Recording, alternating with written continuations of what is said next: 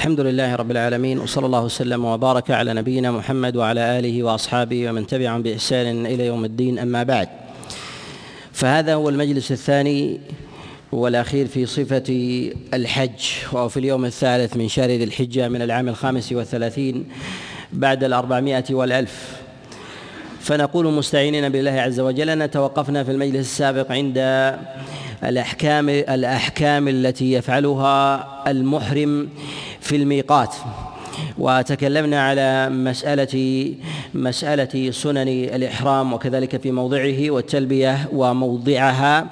وتكلمنا كذلك أيضا في جملة من المسائل المتعلقة بسبب اختلاف اختلاف الصحابة عليهم رضوان الله تعالى وكذلك أيضا في اختلاف من جاء بعدهم في مسألة في مسألة إحرام النبي صلى الله عليه وسلم وموضعه وذلك لكثرة ذلك العدد مع النبي عليه الصلاة والسلام.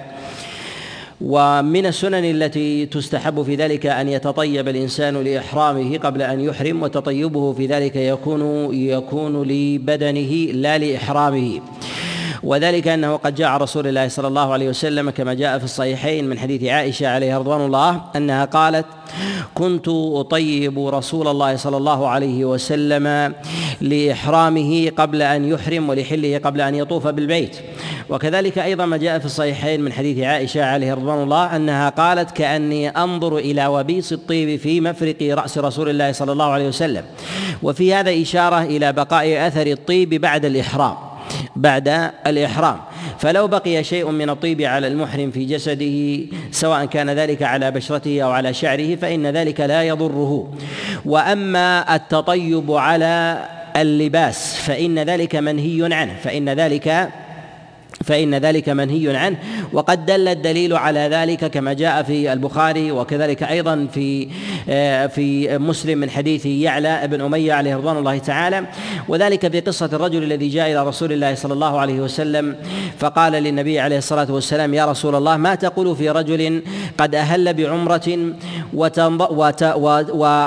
وعليه طيب؟ فقال رسول الله صلى الله عليه وسلم اغسل عنك أثر الخلوق واصنع في عمرتك ما تصنع في حجك. وهذا فيه إشارة إلى أن الإنسان إذا أصابه شيء في ثيابه فإنه فإنه يغسل ذلك الأثر يغسل ذلك الأثر. وهذا محل محل اتفاق عند العلماء لا خلاف عندهم في ذلك وإنما الخلاف في تطيب البدن. فجمهور العلماء ذهبوا إلى جوازه بهذه الأدلة التي جاءت في حديث عائشة عليه رضوان الله ومنهم من قال بالمنع جميعا سواء كان ذلك على البشره أو كان على على غيرها. وهذا القول قد قال به بعض الفقهاء من أهل المدينة قال به مالك رحمه الله. وروي أيضا عن بعض الصحابة عليه رضوان الله تعالى. وقد أنكرت عائشة عليه رضوان الله تعالى على من قال من قال بخلاف ما جاء عن رسول الله صلى الله عليه وسلم باعتبار أنها أعلم أعلم الناس بذلك. وذلك أنها هي التي ذكرت أنها تطيب النبي صلى الله عليه وسلم. هي التي تطيب النبي عليه الصلاة والسلام ومثلها أعلم بحال رسول الله صلى الله عليه وسلم من من غيرها. وكذلك أيضا تقدم الإشارة إلى مسألة الركوب وكذلك أيضا المشي وسير الإنسان وتلبيته والفترات التي يقولها فيه. لم يثبت عن النبي عليه الصلاة والسلام في نوع المراوحة في التلبية والفارق بينها. ولكن الثابت في ذلك من جهة العمل في هذا أن النبي صلى الله عليه وسلم أن النبي عليه الصلاة والسلام كان يلزم التلبية كان يلزم التلبية. ومتى يتوقف المحرم عن التلبية؟ هذا يحتاج إلى إلى تفصيل. جاء في حديث جابر آه، عليه رضوان الله أن النبي صلى الله عليه وسلم كان إذا علا نشزا أو هبط واديا آه، لبى. نقول هذا لا يثبت عن النبي عليه الصلاة والسلام لا يثبت عن النبي عليه الصلاة والسلام. ولكن نقول إن المراوحة في ذلك إن المراوحة في هذا سنة والالتزام في ذلك سنة ويلبي الإنسان قائما وقاعدا وعلى جنب. وكذلك أيضا إذا انقطع الإنسان عن التلبية فإنه يذكره من ذكر تلك التلبية. كما كان الصحابة عليهم رضوان الله تعالى يذكر بعضهم بعضا يذكر بعضهم بعضا. وكذلك أيضا جاء هذا عن التابعين كما جاء عن سعيد بن جبير أنه كان يوقظ النوام في الحج في الحج ويقول لبوا.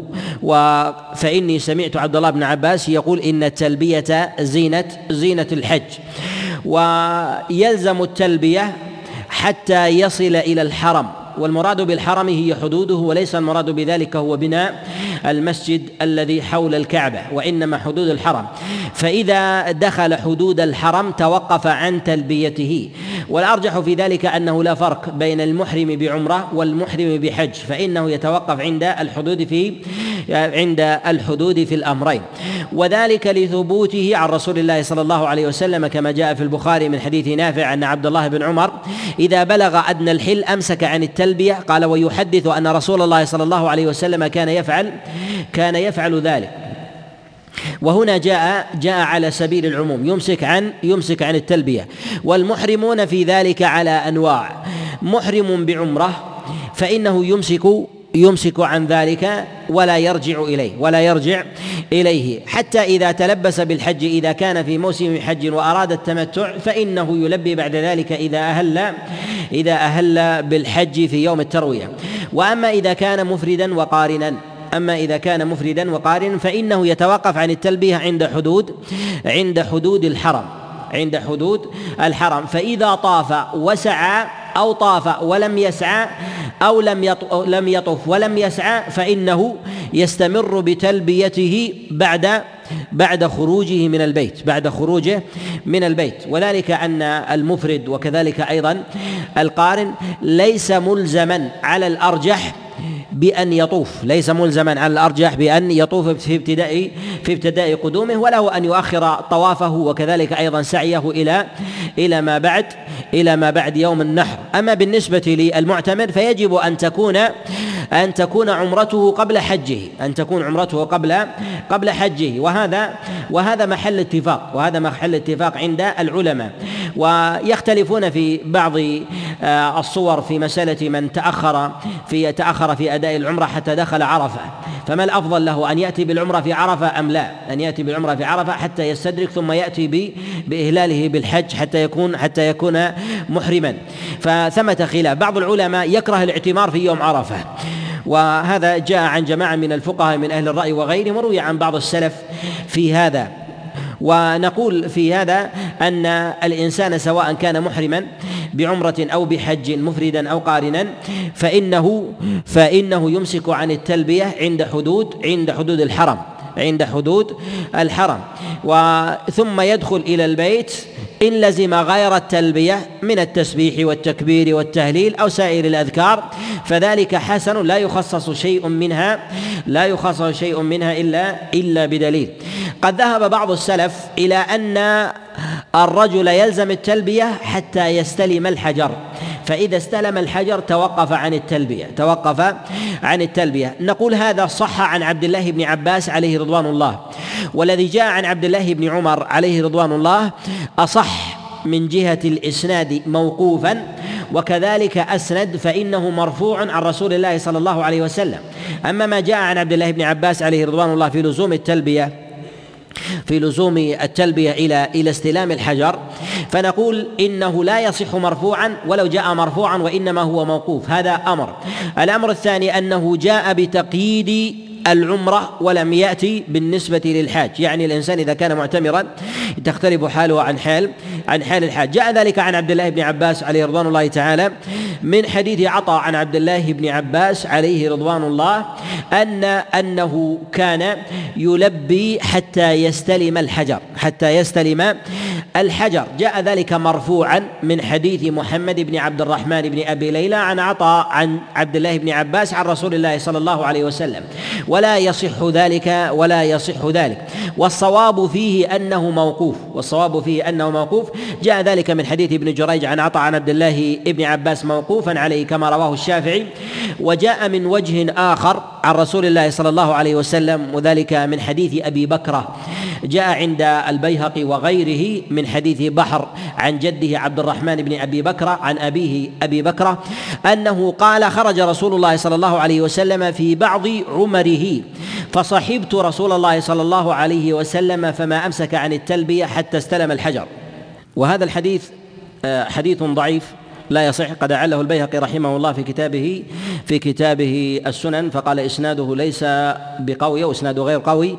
فنقول إن هذا دليل على صحة ما جاء عن عبد الله بن عمر عليه رضوان الله تعالى وذلك أن النبي عليه الصلاة والسلام كان يمسك عن التلبية عند عند حدود عند حدود الحرم وثم يستمر الإنسان في دخوله إلى البيت. وأما التفريق بين الحاج والمعتمر فإن هذا يفتقر إلى دليل فإن هذا يفتقر إلى دليل. في الأحاديث المرفوعة ضعيفة وما جاء عن عبد الله بن عمر عليه رضوان الله تعالى فهو موقوف عليه يخالفه في ذلك المرفوع. يخالفه في ذلك المرفوع عن رسول الله صلى الله عليه وسلم. ويسن للإنسان قبل دخوله حدود الحرم أن يغتسل وأن يدخل نهارا. أن يغتسل وأن يدخل نهارا في أول النهار. صح ذلك عن رسول الله صلى الله عليه وسلم وهذا من السنن التي قل من يعمل بها. وقد جاء ذلك في البخاري من حديث نافع عن عبد الله بن عمر أنه كان إذا جاء إلى البيت معتمرا. بات بذي طوى فيدخل نهارا ثم ثم يغتسل فيدخل نهارا ثم يذكر أن رسول الله صلى الله عليه وسلم يفعل ذلك. وهذا يتضمن سنية الاغتسال قبل دخول مكة وهذا غير سنية الاغتسال للإحرام. فيغتسل قبل دخوله لحدود الحرم ثم السنة في ذلك أن يدخل أن يدخل نهارا. أن يدخل نهارا. وذلك أن أداء الإنسان للمواقيت ليلا يكتنفه ربما ضعف في عمل الإنسان وجهده. كذلك أيضا عدم رؤية مثلا المواضع من جهة المناسك وغيرها خاصة في الزمن الأول وذلك في عدم رؤية الإنسان لحدود مثلا الكعبة في الليل كما كانوا في السابق. وقد أنعم الله عز وجل على الناس في الزمن المتأخر. فنقول في ذلك إن هذا العمل يقيد بالاقتداء برسول الله صلى الله عليه وسلم. وأما العلة في ذلك فهي على فهي على الاستنباط. قد تكون هذه عله وقد تكون العلة تعبدية. وقد تكون العلة تعبدية. فالسنة في ذلك أن يدخل نهارا. السنة في ذلك أن يدخل نهارا وأن يؤدي وأن يؤدي نسكه عند البيت طوافا وسعيا بالنهار كما ذكره عبد الله بن عمر عن رسول الله صلى الله عليه وسلم. والإغتسال عند دخول الحرم هو أصح إسنادا من الاغتسال عند الإحرام والاغتسال عند الإحرام أفضل من الاغتسال عند عند حدود الحرم. فالأول أسند والثاني أسن يعني أقرب إلى سنة النبي عليه الصلاة والسلام. وذلك أن العمل قد جرى على الاغتسال عند الإحرام أكثر واستفاض من الاغتسال عند حدود الحرم.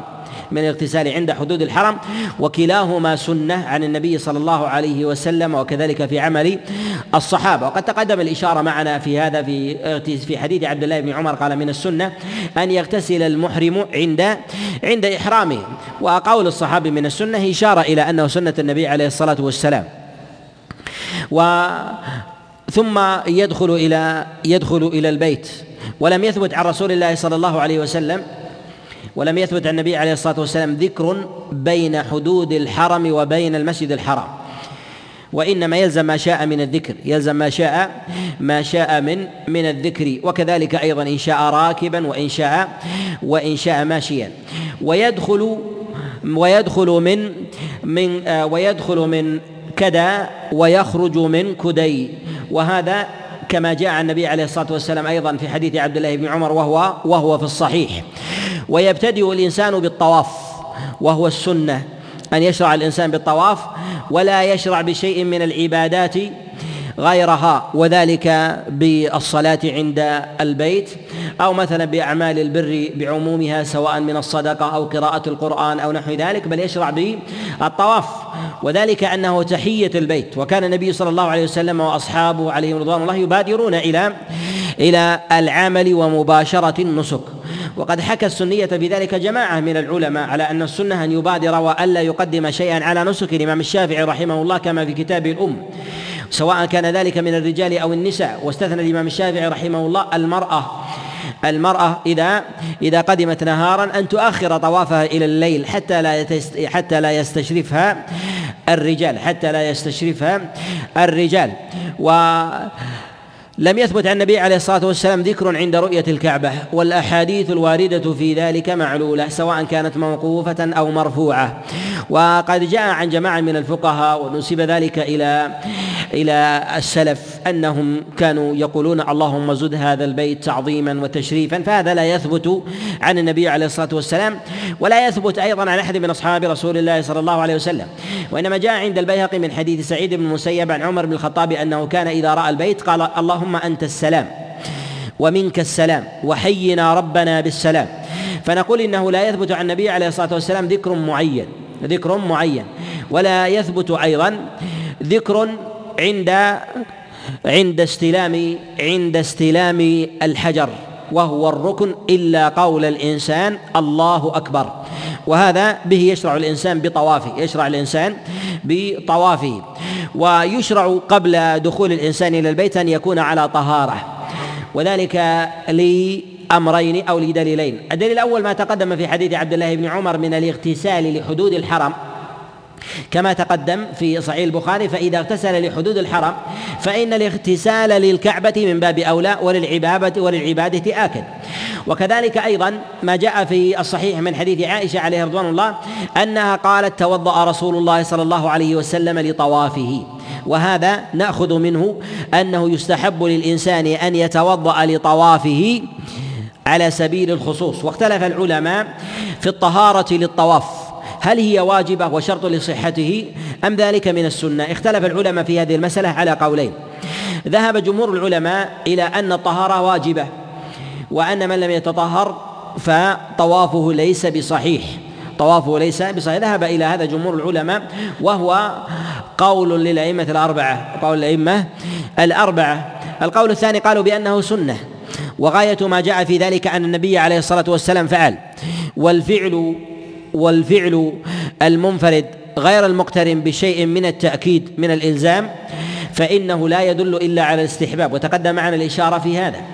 وذهب إلى هذا القول إنه أنه على الاستحباب جماعة من السلف جماعة من السلف فإنه روي عن مطرف وكذلك أيضا آه، سليمان وجاء أيضا عن حماد كما جاء عند ابن أبي شيبة من حديث شعبة قال سألت حمادا ومطرف وسليمان عن الرجل يطوف من غير طهارة. قالوا لا بأس. وهذا في الطواف لا في السعي بين الصفا والمروة. فإن السلف عليهم رحمة الله أعني من الصحابة وكذلك أيضا من التابعين لا يختلفون على أن السعي لا يشترط له طهارة. لا يشترط له طهارة وإنما يستحب ما دامت عبادة أن يتطهر الإنسان في كل عبادة تتضمن تتضمن ذكرا وذلك في دعاء الإنسان وكذلك أيضا في ذكره على الصفا والمروة ودعائه فيما فيما بينها. ذهب بعض العلماء إلى وجوبه من الفقهاء ممن جاء بعدهم ف ولكنه لا يفتقر إلى إلى دليل. يستدل من قال بالوجوب ما جاء في حديث طاووس عن عبد الله بن عباس عن رسول الله صلى الله عليه وسلم أن النبي عليه الصلاة والسلام قال الطواف عند البيت صلاة إلا أنكم تتكلمون فيه. وهذا الحديث جاء مرفوعا وموقوفا والصواب فيه. والصواب فيه الوقف والصواب فيه الوقف. قد رواه عطاء بن السائب كما جاء عند الترمذي عن طاووس عن عبد الله ابن عباس عن رسول الله صلى الله عليه وسلم مرفوعا. وخولف عطاء في هذا الحديث فرواه فرواه عبد الله ابن طاووس ابن كيسان وإبراهيم بن ميسرة كلاهما عن طاووس عن عبد الله بن عباس موقوفا عليه وهو الصواب. صوب الوقف جماعة من الحفاظ كالترمذي والدار قطني وغيرهما. فنقول إن هذا الحديث الصواب فيه الوقف. ونقول إن التشبيه في ذلك أن الطواف في البيت صلاة لا ينصرف إلى التطهر بعينه وإنما ينصرف إلى أن الله عز وجل يسقط عن عبده تحية البيت. يعني أن الإنسان عادة في بيوت الله إذا دخل فإنه يتأكد عليه أن أن يصلي تحية المسجد أن يصلي تحية المسجد. ولكن الطواف بالبيت صلاة تنوب عن ذلك تنوب تنوب عن ذلك. وفيه كذلك تفضيل للطواف على الصلاة. تفضيل للطواف على الصلاة على هذا بالنسبة للمغترب. بالنسبة للمغترب وهذا موضع خلاف عند العلماء أيهما أفضل الطواف في المسجد الحرام أم الصلاة أم الصلاة فيه؟ وهذا في غير النسك فإن النسك متعلق بإسقاط النسك ووجوبه وذلك بالنافلة. إذا وجد الإنسان وقتا فما الأفضل له أن يكون طائفا أم أن يكون مصليا؟ منهم من يفرق بين المكي وغير المكي. من يفرق بين المكي وغير المكي ومنهم من لا يفرق بينهما ويجعل الحكم في ذلك عاما للمكي وغيره. وهي أقوال ثلاثة عند العلماء. والأظهر والله أعلم أن الطواف لغير المكي أفضل باعتبار أن الصلاة يتتحقق في الصلة بين العبد وبين ربه في أي موضع. وأما بالنسبة للطواف فلا يجوز للإنسان أن يطوف في موضع من المواضع إلا في عند عند الكعبة. فهي عبادة لا تنصرف لله عز وجل إلا في هذا الموضع. فتتأكد من جهة الفضل فيغتنم الإنسان وجوده عند البيت بالإكثار من الطواف بالإكثار من الطواف. وأما بالنسبة للمكي قالوا الأفضل له الأفضل له له الصلاة. وأن يشرك مع الصلاة طوافا فلا يتجرد من جهة من جهة العمل. فالتفصيل في ذلك فالتفصيل في ذلك هو هو الأظهر. فمن طاف من غير طهارة صح طوافه وخالف السنة لأن الوارد في ذلك إنما هو عمل عن النبي صلى الله عليه وسلم. ويبتدئ الإنسان بالطواف ويجعل البيت على يساره ويبتدئ من الحجر. يبتدئ الإنسان من الحجر فيجعله عن يساره. ثم ثم يأتي يأتي بالطواف على ما جاء به رسول الله صلى الله عليه وسلم لا منكسا. ولا يصح الطواف منكسا أن يجعل البيت على يمينه ثم يطوف على العكس يعني من جهة الحجر إلى الركن اليماني الآخر. فجمهور العلماء على عدم صحة الطواف المنكس وذهب أبو حنيفة إلى صحة الطواف المنكس واضطرد في هذا واضطرد في هذا فقال كذلك كما يصح الطواف المنكس فيصح السعي المنكس الذي يكون من المروة إلى الصفا. وكذلك يصح عنده الرمي المنكس بالنسبة للجمار. فبدلا من أن يرمي من الصغرى والوسطى فالكبرى يبتدئ من الكبرى إلى إلى الوسطى إلى الصغرى. قالوا ولو بدأ من الوسطى إلى الصغرى إلى الكبرى أو بدأ من الوسطى إلى الكبرى إلى الصغرى صح منه لأنه لا يرى الترتيب في ذلك. لا يرى الترتيب مقصودا مقصودا في هذا. وهذا أمر مضطرد وقاعدة عند الحنفية بها الإنسان يضبط أبواب الفقه لديه حتى يرى أنه عدم عدم وجوب الترتيب في قضاء الفوائد عدم وجوب الترتيب في أعضاء الوضوء وغير ذلك. فعند هذه فعنده هذه القاعدة قاعدة أغلبية فعنده هذه القاعدة أغلبية فإنه لا يرى الترتيب وأن العبادة إنما هي واجبة على الإنسان بعينها فيؤديها على الوصف العام على الوصف العام. وهذا أيضا مضطرد لديهم حتى في مسألة النيابة. إذا إذا ناب الإنسان عن غيره في في رمي الجمار فهل يرمي عن نفسه أو يرمي عن غيره اولا؟ وهل يجب في ذلك ترتيب؟ فإذا لم يوجب الترتيب على الإنسان في نفسه في عبادته من جهة رمي الجمار فإنه في النيابة من باب من باب أولى فإنه في أبواب النيابة من باب أولى. فنقول إنه لا يصح لا يصح الطواف إلا على ما جاء عن رسول الله صلى الله عليه وسلم وعمل به الصحابة. وإنما قلنا بذلك أن هذه العبادة أن هذه العبادة لها استقبال. لها استقبال. وقبلتها أن يفعل الإنسان ما فعل رسول الله صلى الله عليه وسلم من الجهة التي طاف إليها. فالجهة التي طاف إليها أن يجعل البيت على يساره ثم يسير جهة الباب إلى الحجر ثم يتم طوافه مستديرا على البيت. فإذا طاف منكسا كحال الإنسان الذي يصلي إلى غير القبلة. كحال الإنسان الذي يصلي إلى غير القبلة فنقول إن طوافه إن طوافه باطل. ولا يثبت عن أحد من أصحاب رسول الله صلى الله عليه وسلم ولا عن أحد من التابعين ولا من أتباع التابعين أنه طاف طوافا أنه طاف طوافا منكسا. فنقول إن الطواف يجب فيه أن يكون على الهيئة التي جاءت عن رسول الله صلى الله عليه وسلم. والهيئة في ذلك أن يأتي أن يبتدئ الإنسان من الحجر وأن يستلمه كما جاء عن كما جاء أو على الصفة التي جاءت عن رسول الله صلى الله عليه وسلم ويأتي الكلام عليها. وأما بالنسبة لقبلة البيت وهذا ما يذكره الفقهاء عليهم رحمة الله في قبلة الطواف. ذكروا قبلة الطواف أن يجعل البيت على يساره. وأوجبوا ذلك وعينوه. قالوا ولو انحرف ولو انحرف يسيرا أو استدار عن البيت وجعل البيت على تلقاء ظهره. قالوا بطل طوافه ووجب عليه أن يستأنف. منهم من قال إنه يجب عليه أن يستأنف الطواف كله فيرجع إلى الشوط الذي ابتدأ منه. ومنهم من قال يرجع إلى الموضع الذي انحرف فيه ثم يعيد ثم ثم يستأنف منه. وكأنهم رأوا أن الشوط بالانحراف لا ينقطع. أن أن أن الشوط بالانحراف لا ينقطع ولكن رأوا أنه يجب عليه أن يعيده من الموضع الذي الذي هو فيه. ونقول إن مثل هذا التكلف في تعيين مسألة آه، مسألة أن يجعل الإنسان البيت على يساره. نقول الصفة الواردة عن النبي عليه الصلاة والسلام أن يبتدئ من عند الحجر ثم يسير ثم يسير الإنسان على فطرته التي فطره الله عليها إلى جهة الباب إلى الحجر ثم يستدير الإنسان في ذلك على البيت وهكذا. أما أن يتكلف الإنسان جعل البيت على يساره فنقول إن مثل هذا التكلف فيه مشقة وربما يفضي إلى حكم لم يدل عليه دليل. ومثل هذه الأحكام أن الإنسان إذا قاد رجلا أعمى أو قاد شيخا كبيرا فإنه ينحرف. فإنه ينحرف ويجعل البيت عن ويجعل البيت على على عاتقه الأيسر لا على كتفه الأيسر ولا على صفحة وجهه الأيسر. كذلك الإنسان ربما ينسل من زحام من زحام فيتسلل فربما انحرف عن البيت. فتقيد ذلك بالاستقبال على سبيل الدوام على يساره مدعاة للمشقة والكلفة. فنقول إن الانحراف في ذلك إذا كان من غير تعمد لا حرج فيه وإنما يسير الإنسان على على فطرته ولو لم يكن الإنسان مضطرا.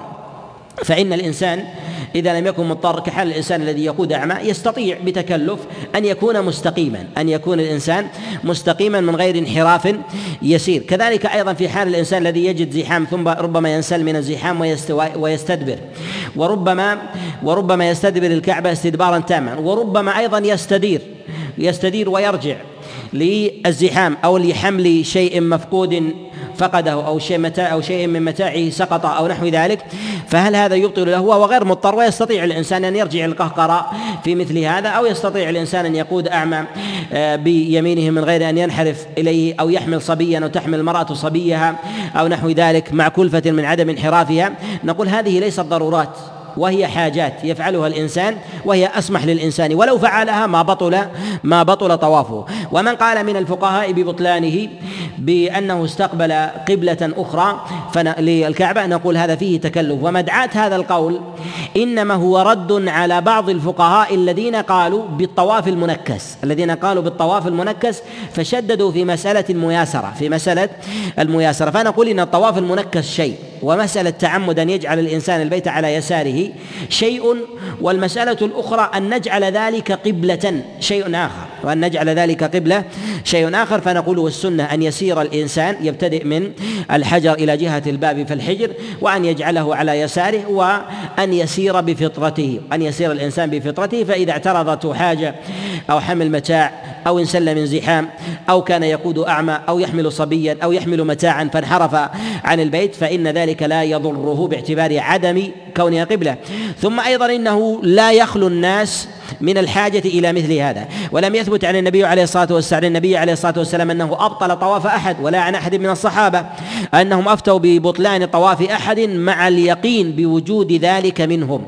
أنه لا بد أن ينحرف الإنسان شيئا شيئا عن عن عن مياسرة مياسرة البيت البيت له. فنقول إن السنة في ذلك هو أن يبتدئ الإنسان من الحجر إلى الباب في الحجر.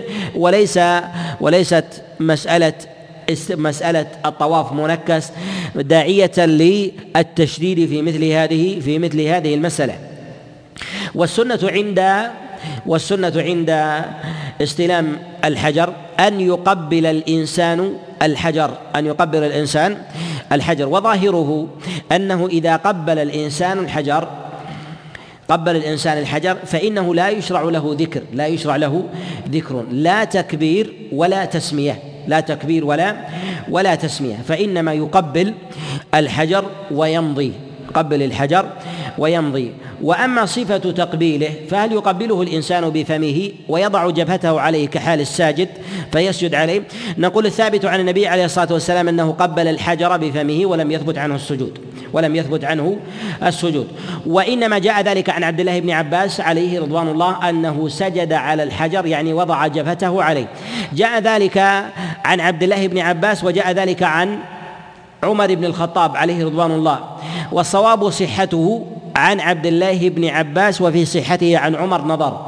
جاء ذلك من حديث محمد بن عباد بن جعفر قال رأيت عبد الله بن عباس جاء إلى البيت فقبله ثم وضع جبهته عليه ساجدا ثم قبله ثم وضع جبهته عليه ساجدا وفعل ذلك ثلاثا. وإسناده صحيح عن عبد الله بن عباس عليه رضوان الله. وهذا هل نقول بأنه سنة؟ نقول من فعله فلا حرج عليه. وأما غاية السنة في ذلك هو التقبيل. كما جاء عن عمر بن الخطاب عليه رضوان الله تعالى في الصحيح. كما جاء عن عمر بن الخطاب عن رسول الله صلى الله عليه وسلم في الصحيح. أن يقبل الإنسان أن يقبل الإنسان الحجر. وإذا قبل الإنسان الحجر هل يزيد على ذلك أن يمسه بيده أو أن يمسحه بيده ثم يقبل يده؟ نقول لا بل يقبل الحجر ويكتفي بذلك. وأما الجمع بين تقبيل الحجر ووضع الكف عليه ثم تقبيلها فلم يثبت عن رسول الله صلى الله عليه وسلم. بل يكتفى بل يكتفى بتقبيله. وإذا لم يستطع الإنسان تقبيله وإنما استطاع أن يتناوله بيده يمسه بيده ثم يقبل يده. وإذا لم يستطع الإنسان مسه بيده فإنه يمسه مثلا بعصا أو بمحجر أو بردائه ثم يقبل رداءه. جاء ذلك عن عبد الله بن عباس كما جاء عند عبد الرزاق وغيره من حديث عكرمة أنه رمى رداءه عليه ثم جذب رداءه ثم قبله. وإسناده صحيح عن عبد الله بن عباس عليه رضوان الله سواء مسه بثوب أو بعصا أو بمحجن أو بسواك أو غير ذلك يقبله وإذا لم يستطع الإنسان أن يمسه بشيء فما المشروع له في ذلك؟ هل هل الإنسان يشير إليه ثم يمضي؟ أم يكبر؟ أم يستقبله بجسده تاما كما يستقبل الإنسان القبلة؟ نقول لم يثبت عن رسول الله صلى الله عليه وسلم شيء في ذلك غير غير التكبير غير التكبير والإشارة غير التكبير والإشارة. وأما التسمية الجمع مع التكبير تسمية أن يقول الإنسان بسم الله والله أكبر فالتسمية إنما جاءت عن عبد الله بن عمر عليه رضوان الله ولم تثبت مرفوعة عن رسول الله صلى الله عليه وسلم. فلو جمع بين التكبير والتسمية فهو فهو حسن ولا بأس ولا بأس به. وأما استقبال البيت وأما استقبال البيت أن يستقبل الإنسان بجسده إذا لم يستطع إذا لم يستطع الإنسان تقبيله. فذلك جاء عن بعض السلف. صح ذلك عن أنس بن مالك. كما جاء عند ابن أبي شيبة من حديث عاصم عن أنس بن عن أنس بن مالك عليه رضوان الله أنه كان يستقبل البيت. وجاء ذلك عن عروة بن الزبير فيما رواه هشام بن عروة عن أبيه كذلك أيضا في المصنف وإسناده وإسناده صحيح. وإسناده صحيح. ولم يثبت عن رسول الله صلى الله عليه وسلم ذكر غير التكبير وكذلك أيضا عن عبد الله بن عمر البسملة. وأما التهليل والتحميد فقد جاء ذلك بإسناد بإسناد لا يصح. جاء ذلك من حديث أبي يعفور عن رجل جاء ذلك من حديث أبي يعفور عن رجل من أهل مكة عن رسول الله صلى الله عليه وسلم أنه قال لعمر إني أراك رجل قوي فلا تزاحم فلا تزاحم على الحجر فتؤذي الضعيف. فإن استطعت ف قبله وإن لم تستطع فاستقبل البيت وهلل وكبر. وهذا إسناده إسناده ضعيف. وهذا إسناده ضعيف فإنه لا يثبت في ذلك الاستقبال مرفوعا ولا يثبت كذلك أيضا التهليل. ولا يثبت في ذلك التهليل وإنما التكبير من في قول رسول الله صلى الله عليه وسلم. ف ولو اكتفى الإنسان بالإشارة بيده من غير التفاته ومن غير كذلك استقبال فلا حرج أيضا فلا حرج في ذلك. وإن استقبله عملا بما جاء عن بعض أصحاب رسول الله صلى الله عليه وسلم فهو حسن أيضا فإنه جاء عن غير واحد من السلف على ما تقدم على ما تقدمت الإشارة الإشارة عليه. والسنة في ذلك أن يرمل الإنسان وأن وأن يطبع. أما الرمل فقد جاء ذلك في الصحيحين وغيرهما في جملة من الأحاديث جاء من حديث جابر وجاء أيضا من حديث عبد الله بن عمر وغيرها أن رسول الله صلى الله عليه وسلم رمل ثلاثا ومشى أربعة. والرمل في ذلك هو الجري الجري الشديد الجري الشديد الذي ليس ليس بالركض فيجري الإنسان. وذلك أن النبي صلى الله عليه وسلم إنما فعل ذلك لإغاظة المشركين وبقي الأمر عليه وبقي الأمر عليه. فهل يزول ذلك الأمر؟ نقول لا بل يبقى على ما هو عليه. وذلك لما جاء عن جاء وذلك أنه قد جاء عن سلم مولى عمر بن الخطاب عليه رضوان الله تعالى عن عمر بن الخطاب عليه رضوان الله تعالى أنه قال شيء صنعه رسول الله صلى الله عليه وسلم ونحن نصنعه. يعني ولو انتفت العلة وهذا الحديث في البخاري وجاء أيضا وجاء أيضا مسندا في السنن عند أبي داود وغيره. فيرمل الإنسان ثلاثا ويمشي اربعا. والإطباع جاء فيه جاء فيه آه، أربعة جاء فيه ثلاثة أحاديث. جاء من حديث عبد الحميد عن ابن يعلى بن أمية عن أبيه عن رسول الله صلى الله عليه وسلم وجاء أيضا من حديث سعيد بن جبير عن عبد الله بن عباس عن رسول الله صلى الله عليه وسلم وجاء أيضا من حديث من حديث ابن عمر. ونقول إن الرمل آكد في السنة من الاطباع وذلك أن حديثه في الصحيحين وأن حديثه في الصحيحين. وأما الاطباع فوقع فيه الخلاف وأما الرمل فحكي فيه الاتفاق. فحكي فيه الاتفاق. فنقول إن الإنسان لو فعل الاثنين فان فإن ذلك فإن ذلك على اثر على أثر والسنة والرمل في ذلك والرمل في ذلك آكل وأما الاطباع هو أن يبدي الإنسان عاتقه الأيمن ويرمي بطرفي إحرامه على عاتقه الأيسر على عاتقه الأيسر. والرمل والاطباع يكون في طواف القدوم يكون في طواف القدوم لا يكون في طواف الإفاضة ولا في طواف الوداع. وذلك أن النبي عليه الصلاة والسلام إنما فعله في هذا فعله عليه الصلاة والسلام في هذا في هذا الموضع. وكذلك أيضا فإنه لا يفعل الاطباع ولا الرمل في السعي بين الصفا والمروة إلا بين العام إلا بين العلمين أن يجري الإنسان ويشد في سعيه كما يأتي كما يأتي بيانه. أما الرمل التام وأما الاطباع فلم يثبت عن رسول الله صلى الله عليه وسلم ولا عن أحد من الصحابة أنهم رملوا في السعي كله. ولا كذلك أيضا اطبعوا في شيء من في شيء من السعي. فيدل على أنه مقيد مقيد بطواف القدوم. وطواف القدوم حينما يأتي الإنسان قادما سواء كان سواء كان مفردا أو قارنا أو متمتعا. أما إذا كان الإنسان متمتعا فطوافه عند قدومه ذلك هو طواف العمرة. وهو ركن للعمرة لا تصح العمرة الا إلا به وهو واجب متعين عليه. وأما إذا كان الإنسان مفردا أو قارنا فذاك طواف القدوم عليه. طواف القدوم عليه. اختلف العلماء في وجوبه جمهور العلماء على عدم وجوبه وأنه سنة. وذهب بعض العلماء وهو قول الإمام مالك ورواية عن الإمام أحمد إلى أن طواف القدوم واجب. إلى أن طواف القدوم واجب وعلى تاركه دم. والصواب أنه سنة. فلو أراد المفرد والقارن أن يؤخر طواف الحج. طواف الحج والقارن أن يؤخر طواف الحج والعمرة إلى إلى ما بعد يوم النحر فلا حرج عليه ثم ينصرف إلى منى مباشرة من غير أن يمر بالبيت من غير أن يمر بالبيت. نقول في فعله ذلك ترك الأولى وخالف السنة وفعله صحيح وفعله صحيح. والسنة أن يأتي إلى البيت ويطوف. ثم يشرع المفرد والقارن والمتمتع في عمل في ظاهره واحد. فإذا كان معتمرا أو كان مفردا أو قارنا في طوافه ذلك يرمل ويطبع يرمل ويطبع. وإذا كان الإنسان معتمرا في غير أشهر الحج فإنه يرمل كذلك ويطبع يرمل كذلك ويطبع. والسنة التي جاءت عن رسول الله صلى الله عليه وسلم في ذلك في إحرامه أن يحرم الإنسان بالأبيض. ولهذا جاء رسول الله صلى الله عليه وسلم قال البسوا من ثيابكم البياض وكفنوا فيها موتاكم. ويشرع للإنسان في إحرامه يشرع في إحرامه له أن يتجرد من كل محظور من كل محظور نهى عنه رسول الله صلى الله عليه وسلم.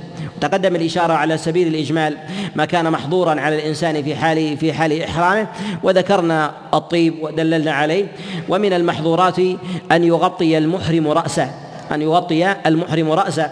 وذلك لما جاء في حديث سعيد بن جبير عن عبد الله بن عباس عليه رضوان الله في الرجل الذي وقصته ناقته في قول النبي عليه الصلاة والسلام قال عليه الصلاة والسلام ولا تغطوا ولا تغطوا رأسه وذلك فإنه يبعث ملبيا يعني يبقى على ما هو على ما هو عليه.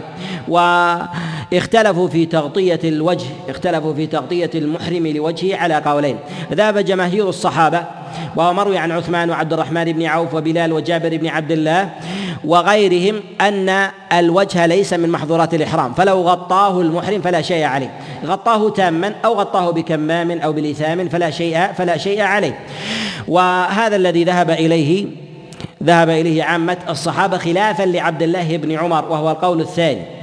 والقول الثاني قالوا بأن بأن الوجه كالرأس لا يغطى. قالوا إن الوجه كالرأس لا يغطى وهذا جاء عن عبد الله بن عمر أنه قال ما فوق الذقن من الرأس فلا يغطيه المحرم وإسناده عنه وإسناده عنه عنه صحيح.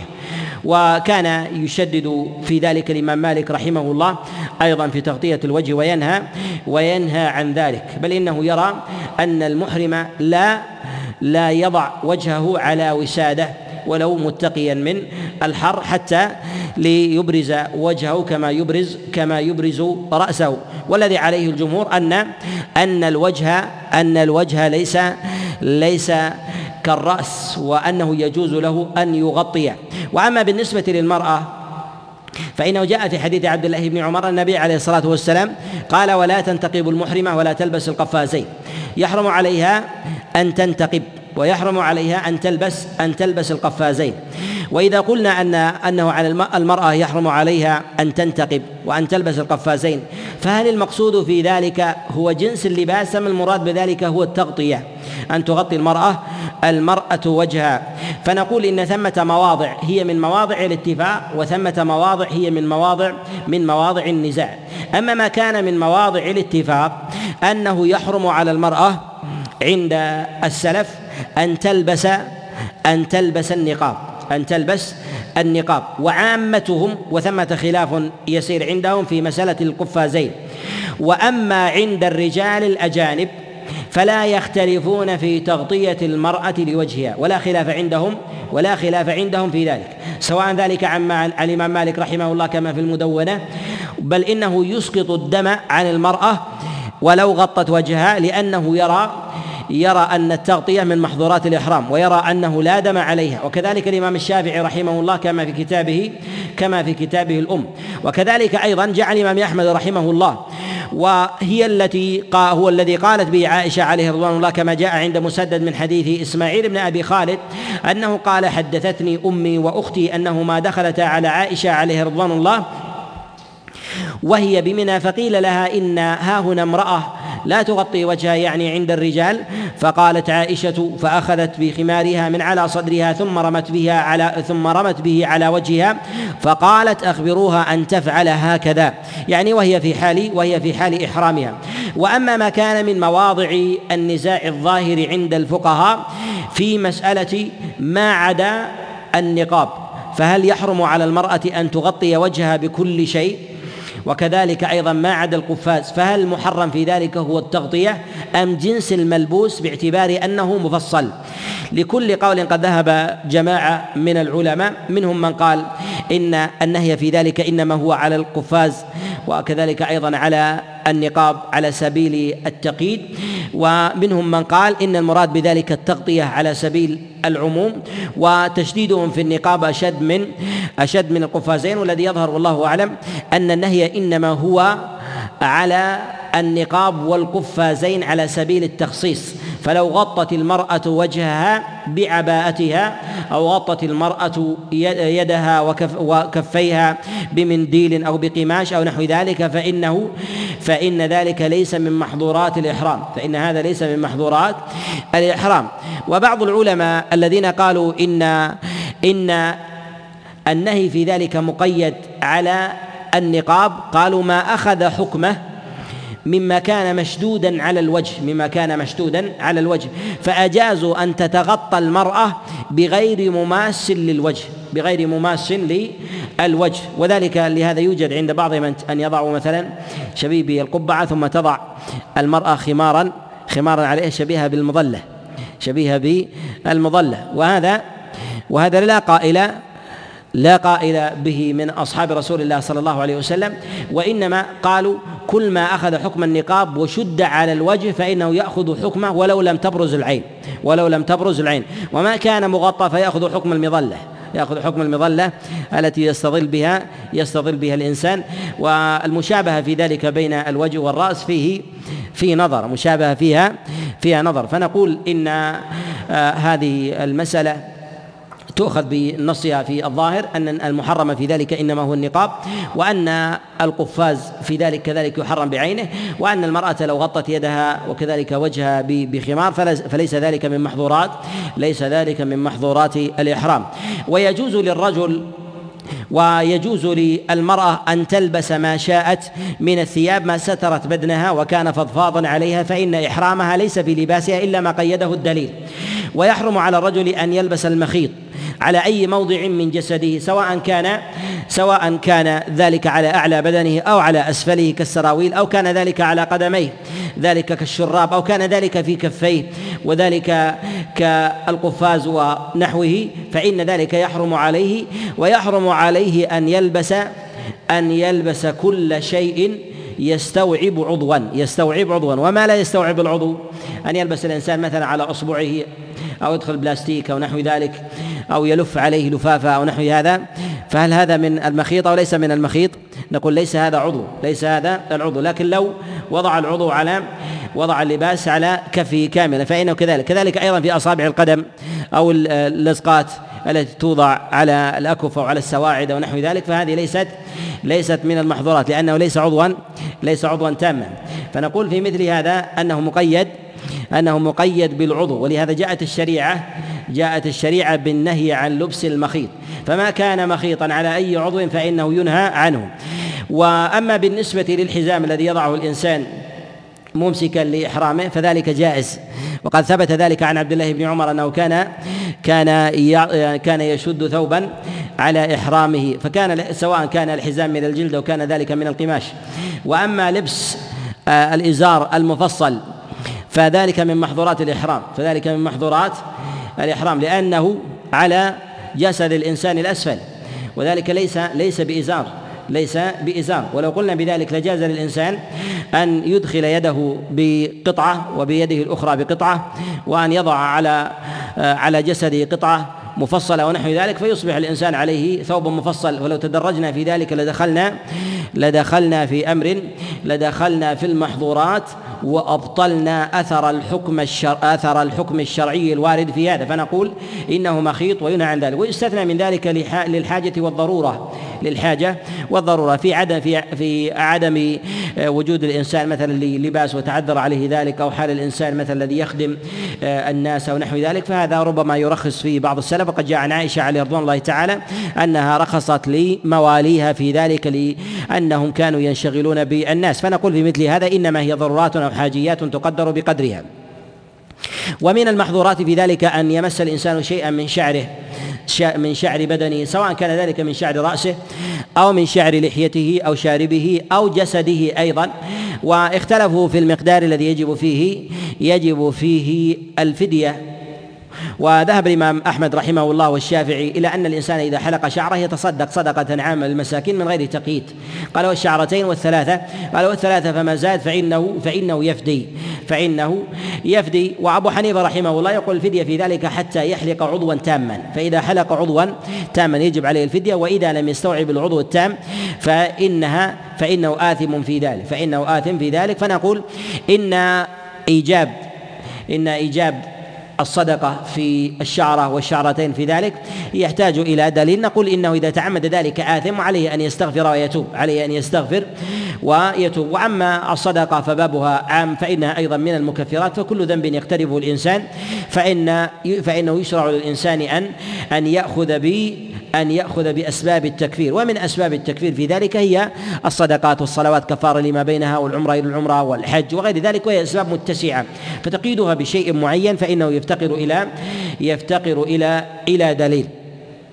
ويحرم كذلك على المحرم الخطبة وكذلك أيضا النكاح وذلك لقول الله جل وعلا الحج أشهر معلومات فمن فرض فيهن الحج فلا رفث ولا فسوق ولا جدال في الحج.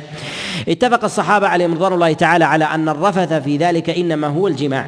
أنه إنما هو الجماع ومقدماته ومقدماته. وذلك أيضا بقول الإنسان آه، سواء كان ذلك بالخطبة أو دعوة امرأته ولو لم يقع في ذلك جماع فإنه من محظورات الإحرام. فإنه من محظورات الإحرام. ولا يختلفون في ذلك ولا يختلفون في ذلك وإنما يختلفون في بعض فروع هذه هذه المسألة. كذلك أيضا في الخطبة ولو لم يقع في ذلك جماع ولم يقع في ذلك جماع ما دام أحد الخاط وأحد الزوجين محرما ولم لو يكونوا جميعا سواء كان الزوج أو كان الزوجة لأن النهي وقع على واحد منهما فينهى عن ذلك. ينهى الخطبة وكذلك أيضا وكذلك أيضا بالنسبة للجماع. وينهى المحرم عن الصيد سواء كان في الحرم أو في غيره. فإذا دخل حدود الحرم عظم في ذلك الإثم عليه وتأكد التحريم. فيكون حينئذ قد اجتمع عليه تحريمان تحريم إحرامه وتحريم الحرم. تحريم إحرامه وتحريم الحرم فعظم الإثم عليه. وكذلك يحرم آه، على داخل الحرم أن يعضد الشوك وينفر الصيد ولو تنفيرا فإن ذلك أيضا فإن ذلك محرم وهو أيضا مما يضعف أجر الإنسان وربما يذهب بر بر نسكه وإحرامه سواء كان ذلك في حج أو كان أو كان أو كان في عمرة. والنبات في ذلك على نوعين نبات في ذلك على على نوعين. نبات مستنبت يستنبته الناس وذلك الذين يضعونه في أفنية البيوت وفي الطرقات أو ما تصنعه البلديات ونحو ذلك فذلك جائز. أن ينزعه الإنسان لأنه ليس ليس من نبات البر. ينزعه بلا إفساد ولكن أتكلم عن المحظورات. وأما ما كان من نبات البر فلا يجوز للإنسان أن ينزعه إلا لضرورة. إلا لضرورة ويستثنى من ذلك الإذخر وما يحتاجه الناس. وهل للراعي أن يجعل ماشيته ترعى؟ نقول لا حرج عليه لأن التحريم على الإنسان لا على الحيوان. التحريم إنما هو على الإنسان لا على الحيوان فلا حرج فلا حرج عليه أن يسترعي بهائمه في بهائمه في حدود في حدود الحرم في حدود الحرم. وما احتاج إليه الناس مثلا من الطرقات من تعبيد الطرق أو الشوكه نحو ذلك أن يزيل الإنسان عن طريقه أو عن مبيته فإن هذا مما لا حرج فإن هذا مما لا حرج لا حرج فيه. وكذلك أيضا من المحظورات أن أن يقص الإنسان أظفاره سواء كان ظفرا أو أكثر من ذلك. أو أكثر من ذلك. وهذا من المحظورات. وقد حكي الاتفاق على هذا خلافا لداود الظاهري فإنه قال لا دليل على ذلك. ونقول إن إن الأدلة في ذلك يكفي فيها الإجماع ويكفي في ذلك قول الله جل وعلا.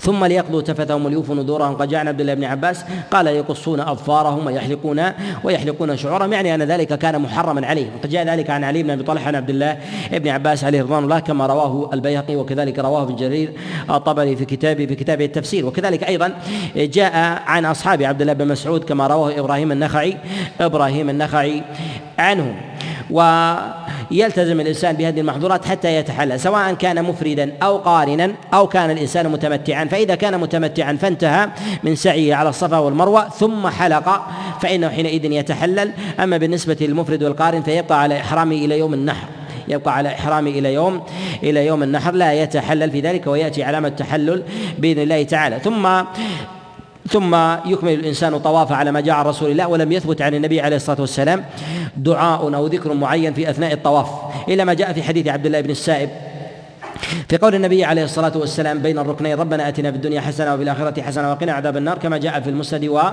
والسنن وإسناده صحيح وهذا أصح وأمثل شيء جاء في هذا الباب.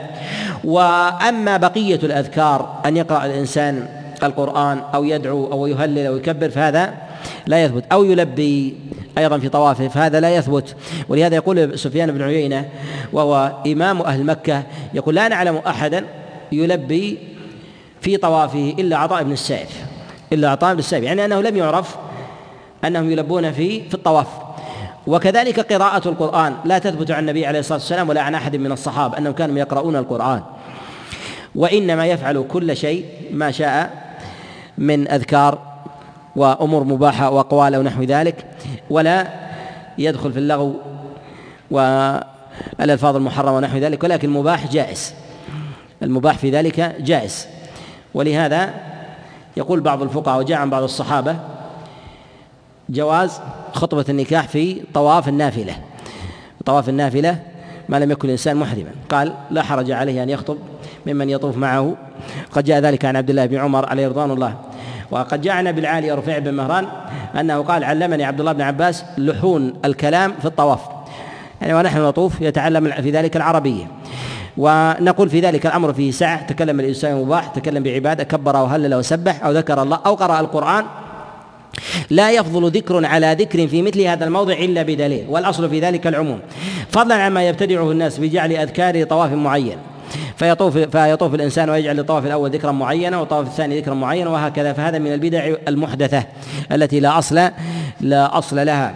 فيذكر الإنسان الله عز وجل آه، بما شاء وعلى أي نوع شاء من الأذكار ويطوف الإنسان سبعا يطوف الإنسان سبعا. وإذا شك بنى على ما استيقن فإذا شك هل طاف ستا أو سبعا فإنه يبني على ما استيقن والست ثم يكمل السابع. وإذا شك هل طاف هل طاف خمسا أو ستا فإنه يأخذ ما استيقن وهي الخمس.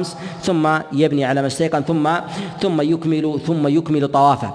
وفي كل مرة يمر على على الحجر الأسود يفعل فيه ما فعله في أول مرة. ولا يستلم من البيت إلا الركنين ولا يستلم من البيت إلا الركن الركنين اليمانيين.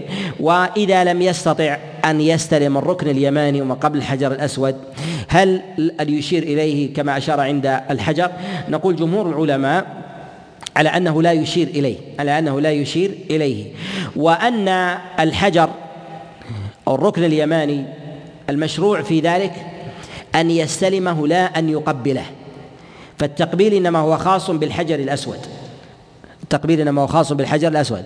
فإذا لم يستطع أن يمسه فهل يشير إليه؟ نقول لا يشير إليه. فضلا عن أنه إذا مسه بيده قبل يده لأنه لا يشرع تقبيله أصلا. لا يشرع تقبيله أصلا وإنما يشرع في ذلك الاستلام. وكذلك أيضا بالنسبة للإشارة إليه أو استقباله بالبدن أو غير ذلك فإن هذا أيضا مما لا دليل عليه.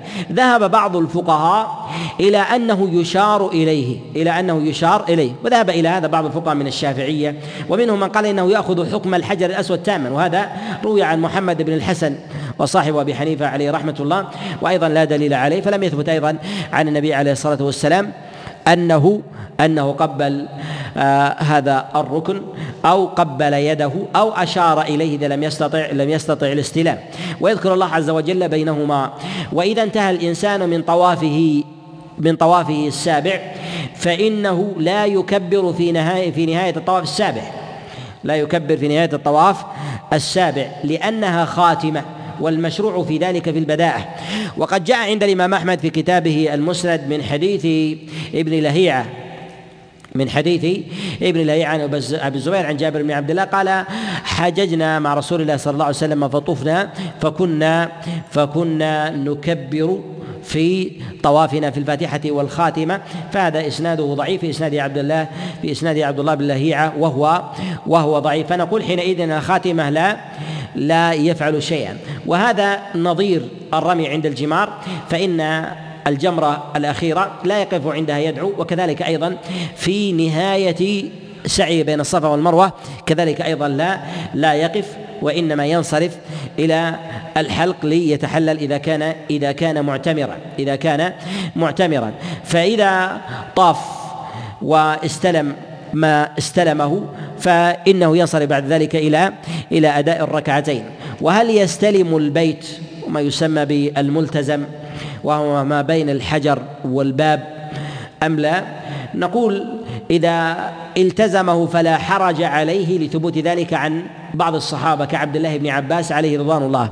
وإذا لم يلتزم فلا حرج عليه لأنه جاء عن بعض الصحابة أنهم لم يكونوا يلتزمون شيئا من البيت كما جاء عن عبد الله بن عمر. فقد صح عن عبد الله بن عمر أنه لم يلتزم شيئا من البيت. وصح عن عبد الله بن عباس كما رواه مجاهد عنه أنه قال رأيت عبد الله بن عباس يتعوذ بين الركن والباب. يتعوذ بين الركن والباب. وإسناده عنه صحيح. وجاء عن رسول الله صلى الله عليه وسلم جملة من الأحاديث وكلها ضعيفة في الملتزم. منها ما جاء بالحديث المثنى عن عمرو بن شعيب عن أبيه عن جده المثنى بن الصباح عن رسول الله صلى الله عليه وسلم. آه، أنه كان يضع آه، يضع خده وصدره وكفيه على البيت ويدعو وهذا إسناده وإسناده ضعيف. وجاء أيضا من وجه آخر من حديث عمر بن الخطاب عليه رضوان الله تعالى وأن تسكب العبرات وإسناده أيضا ضعيف فلا يصح مرفوعا وإنما هي موقوف وإنما هو موقوف عن عبد الله بن عباس. وجاء أيضا ذلك عن جماعة من التابعين فمن فعله فعل أثر وسنة ولا ينكر عليه ومن لم يفعله كذلك أيضا على على أثر فإنه على أثر. وأما وأما استلام بقية البيت استلام بقية البيت. كأن يريد الإنسان أن يلتزم شيئا معينا من البيت. نقول إن هذا لا يخلو من صورتين صورة متفق عليها وصورة مختلف مختلف فيها. أما المتفق عليها أن يلتزم الإنسان شيئا من البيت على سبيل القصد كالتزام أحد الركنين الشاميين. أو يلتزم الإنسان مثلا ما بينهما. أو ما يلتزم الإنسان ما بين الشامي وما بين الشامي واليماني. قصدا فهذا موضع على سبيل القصد ابتداع أن يلتزم الإنسان. لكن إذا أراد أن يلتزم ذات البيت ولكن هذا هو أسمح له هذه الحالة الثانية. الحالة الثانية يلتزم الإنسان موضعا أسمح وجد فرجة ثم أراد أن يلتزم البيت أو يتعلق باستار الكعبة أو نحو ذلك. نقول الأصل فيه الجواز الأصل فيه الجواز. وقد قال بجوازه بعض العلماء كابن تيمية رحمه الله أن التعلق بأستار الكعبة أو آه، وضع اليدين على أي موضع من البيت من غير تحديد له وأن هذا لا حرج لا حرج فيه. وذلك أن البيت معظم والتعلق فيه كالعائذ به. وقد شبه ابن تيمية رحمه الله في ذلك العائد في ذلك حال الإنسان الذي يريد أن يتعوذ بأحد بعظيم ونحو ذلك فإنه يتعلق به فالتعلق بذلك شبيه باللجا إلى الله سبحانه وتعالى. وكذلك أيضا فإنه كما جاء في حديث عبد الله بن خطل لما قال النبي عليه الصلاة والسلام اقتلوه لو كان متعلقا بأستار الكعبة. هذا فيه إشارة إلى أن مثل هذا هو موضع الالتجاء وموضع آه، التجاء فلو فعل الإنسان ذلك فلا فلا حرج عليه لكن لا يقصد موضعا معينا لا يقصد الإنسان موضعا معينا. ثم يعمد الإنسان إلى الاتيان بالركعتين بعد الطواف ركعتي الطواف. وهما سنة على قول جمهور العلماء خلاف الإمام مالك وبعض الفقهاء من الحنفية الذين قالوا بوجوبها وذلك اخذا بالعموم. قالوا التزام النبي عليه الصلاة والسلام أنه كان يلتزم الصلاة صلاة الركعتين بعد كل كل طواف. بعد كل طواف نقول هي هي سنة و آه، في ذلك تحتاج إلى إلى دليل وسواء كان أداها الإنسان خلف المقام ولا أدى خلف المقام فإن ذلك فرع عن قول بتلك السنية فإذا قلنا بأن الأصل السنة فإن الموضع في ذلك في ذلك سنة.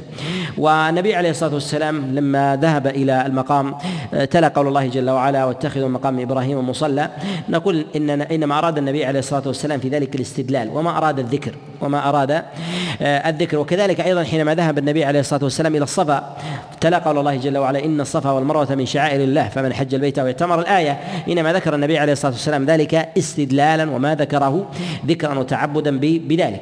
والدليل على ذلك أنه جاء في صحيح الإمام مسلم من حديث جابر قال النبي عليه الصلاة والسلام لما تلا تلك الآية قال أبدأ بما بدأ الله به. يعني أنه يريد أن يدلل على بداءته بالصفا والمروة وبداءته أيضا بالمقام قبل الصفا أن الله عز وجل ذكره في في كتابه. ولو كانت ذكرا معينا لما احتاج أن يذكر الاستدلال. إذا فهو أراد الاستدلال عليه الصلاة والسلام لفعله ليقتدي الناس بفعل رسول الله صلى الله عليه وسلم وكذلك أيضا في ترتيب القرآن وأسبقية الذكر الوارد الوارد فيها. والسنة في ذلك أن يصلي ركعتين مستقبلا. البيت جاعل المقام بينه وبين البيت ومقام إبراهيم لم يكن موضعه هذا وإنما كان موضعه على أصل الكعبة على أصل الكعبة. وذلك لأن أصل وجوده هناك وذلك لما بناه إبراهيم وابن إسماعيل. فكان يناوله الحجر وهو على المقام وهو على آه، المقام. فنقول في ذلك أنه تحرك بعد بعد ذلك وتحرك في زمن عمر حركه السيل ثم أرجعه شيئا يسيرا ورجعه إلى أصله. فهل السنة في أداء الصلاة في أداء الركعتين هو أن يصلي الإنسان خلف المقام. هو موضعه الأصلي أم خلف المقام الموجود المنقول وهو الحجارة؟ نقول السنة في ذلك أن يصلي جهة موضعه الأصلي. جهة موضعه الأصلي وأنه ليس المقصود الحجارة والدليل على هذا أننا أن أن الله عز وجل قصد الموضع. وما قصد الحجارة؟ لأن الحجارة لو حركت أو فقدت أو سرقت فهل يصلي الإنسان إلى الموضع أم أم تنتهي الصلاة؟ أو قيل كذلك أيضا بزوال الكعبة أو حركت هل يصلي الإنسان إلى موضعها أم الحجارة؟ يصلي الإنسان يصلي الإنسان إلى المقام. قال واتخذوا من مقام إبراهيم. مقام الذي قام الذي قام فيه. الذي قام قام فيه. ولو لم يستطع الإنسان أن يصلي خلف المقام فيصلي في أي موضع شاء فإن السنة لا تسقط عنه. إذا ليس التوقيت مكاني متعين. فأداء الركعتين سنة في أي موضع. واختلف في أداء السنة في أوقات النهي في أوقات النهي. كان يطوف الإنسان مثلا بعد الفجر ثم ينتهي من طوافه قبل طلوع الشمس أو حال حال طلوعها فليصلي ركعتين أم لا. اختلف العلماء في ذلك على قولين. ذهب جماعة من العلماء وقول الجمهور إلى أنه لا حرج عليه أن يفعل باعتبار أنها من ذوات الأسباب واختلف الصحابة في ذلك. والقول الثاني قالوا بأنها لا تفعل وهذا ثبت عن عمر بن الخطاب عليه رضوان الله وثبت أيضا عن عبد الله بن عمر. فقد صلى عمر بن الخطاب عليه رضوان الله فقد صلى عمر بن الخطاب عليه رضوان الله تعالى بالبطحاء وذلك لأنه قد انتهى من طوافه قبل طلوع الشمس قبل طلوع آه، الشمس ثم خرج. فنقول لا حرج عليه أن يصلي في البيت أو يصلي خارجه أو يصلي في مسكنه أو يصلي في أي موضع كان فلا حرج عليه فالسنة متعلقة بالطواف. فكل طواف يصلي بعده ركعتين سواء كان طواف القدوم أو طواف الإفاضة أو طواف الوداع أو يصلي الإنسان في ذلك طواف التطوع. يصلي الإنسان في ذلك طواف التطوع في ذلك فلكل سبع ركعتين. يصلي سبعا ثم ركعتين. وقد كره غير واحد من السلف الطواف من غير من غير ركعتين. أو أن أن يطوف الإنسان أكثر من سبع ولا يصلي ركعتين. فكرهوا فكرهوا في ذلك الإقران وهو أن يقرن الإنسان أن يقرن الإنسان أكثر من سبع بركعتين. بالسنة أن يجعل لكل سبع ركعتين ولكل سبع من الطواف ركعتين. وهذا هو هو السنة. وقد جاء في صحيح مسلم من حديث جعفر بن محمد قال احسبه عن رسول الله صلى الله عليه وسلم يعني عن جابر النبي عليه الصلاة والسلام قرأ فيهما بقل هو الله أحد وقل يا أيها الكافرون. جاء عند البزار في مسنده مرفوعا أن النبي عليه الصلاة والسلام جهر بالقراءة. وما عند البزار رواية منكرة وما عند الإمام مسلم الصواب فيها الصواب فيها القطع فليست موقوفة ولا مرفوعة. فلم يثبت عن النبي عليه الصلاة والسلام أنه قرأ سورة معينة وقد حكم بإدراجها بعض الأئمة كالخطيب عليه رحمة الله كما في كتابه كما في كتابه الفصل. وهذا هو الأظهر أنه لا يثبت في قراءتها سورة معينة. فيقرأ الإنسان ولا يشرع في ذلك الجهر ولا يشرع في هذا الجهر. ثم ثم يرجع الإنسان بعد هاتين الركعتين ويشرب ماء زمزم كما فعل النبي عليه الصلاة والسلام. وإذا رجع إلى البيت لاستلام الحجر فقد جاء ذلك عن النبي عليه الصلاة والسلام وإذا شق عليه فيذهب إلى فيذهب إلى الصفا فيذهب إلى الصفا ويبدأ بالصفا كما بدأ النبي عليه الصلاة والسلام وكما بدأ به الله جل وعلا في كتابه العظيم في قوله جل وعلا إن الصفا والمروة من شعائر من شعائر الله. فإذا كان مطبعا فإنه يجعل إحرامه على على جهتيه. يغطي يغطي جهتيه فإن الاطباع إنما كان في في طواف في طواف القدوم. ويشترك في هذا العمل المتمتع والمفرد والقارئ. فيبتدئان ب فيبتدئان آه، بالسعي على الصفا. ويستقبل الإنسان الكعبة كما جاء عن رسول الله صلى الله عليه وسلم في حديث كثيرة منها في حديث جابر ومن حديث أبي هريرة. وثبت ذلك موقوفا أيضا عن عبد الله بن عمر عليه رضوان الله تعالى. ويستقبل البيت ويكبر. ورفع اليدين ثبت عن النبي عليه الصلاة والسلام في صحيح مسلم من حديث أبي هريرة وذلك في يوم الفتح. وكذلك فإنه يقول لا إله إلا الله وحده لا شريك له له الملك وله الحمد وهو على كل شيء قدير. لا إله إلا الله وحده نصر عبده وأنجز وعده وهزم الأحزاب وحده. يقولها ثم يدعو ثلاثا بعد كل واحدة يدعو يدعو بينها بينها ثلاثا ويدعو طويلا.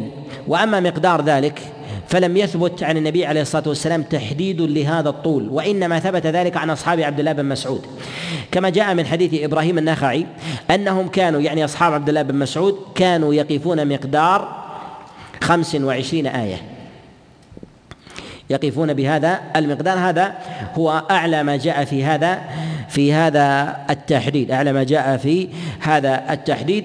فيقف الإنسان عند كل موضع بمثل هذا المقدار. ويكبر كما جاء ذلك في خبر عبد الله بن عمر عليه رضوان الله تعالى فيقول الله أكبر الله أكبر الله أكبر ثم يقول لا إله إلا الله وحده لا شريك له ولم يثبت عن النبي عليه الصلاة والسلام نص في دعائه. فأي دعاء يدعو به لا حرج عليه فيه والحكمة من ذلك والله أعلم لاختلاف حاجات الناس ومقاصدهم وكذلك أيضا اختلاف كروبهم واختلاف الأزمنة والأماكن والحاجات والآلام والأحزان. فإن من من حاجته في الفقر ومن حاجته بالعافية ومن حاجته بسلامة النفس ومن حاجته بسلامة البدن وغير ذلك. ولهذا كان الأمر في ذلك على السعة فكان ذلك من حكم إضمار هذا الدعاء أن يدعو الإنسان بما بما يحتاج إليه. ويجعل الدعاء في ذلك بما بما يجمع له خيري الدنيا والآخرة. وأجمع ذلك ما جاء رسول الله صلى الله عليه وسلم في دعائه بين الركنين في قوله جل وعلا ربنا آتنا في الدنيا حسنة وفي الآخرة حسنة وقنا عذاب النار. وحسنة الدنيا إذا وكلها الإنسان إلى الله كفاه ووقاه وأعطاه من خيره أجزاه.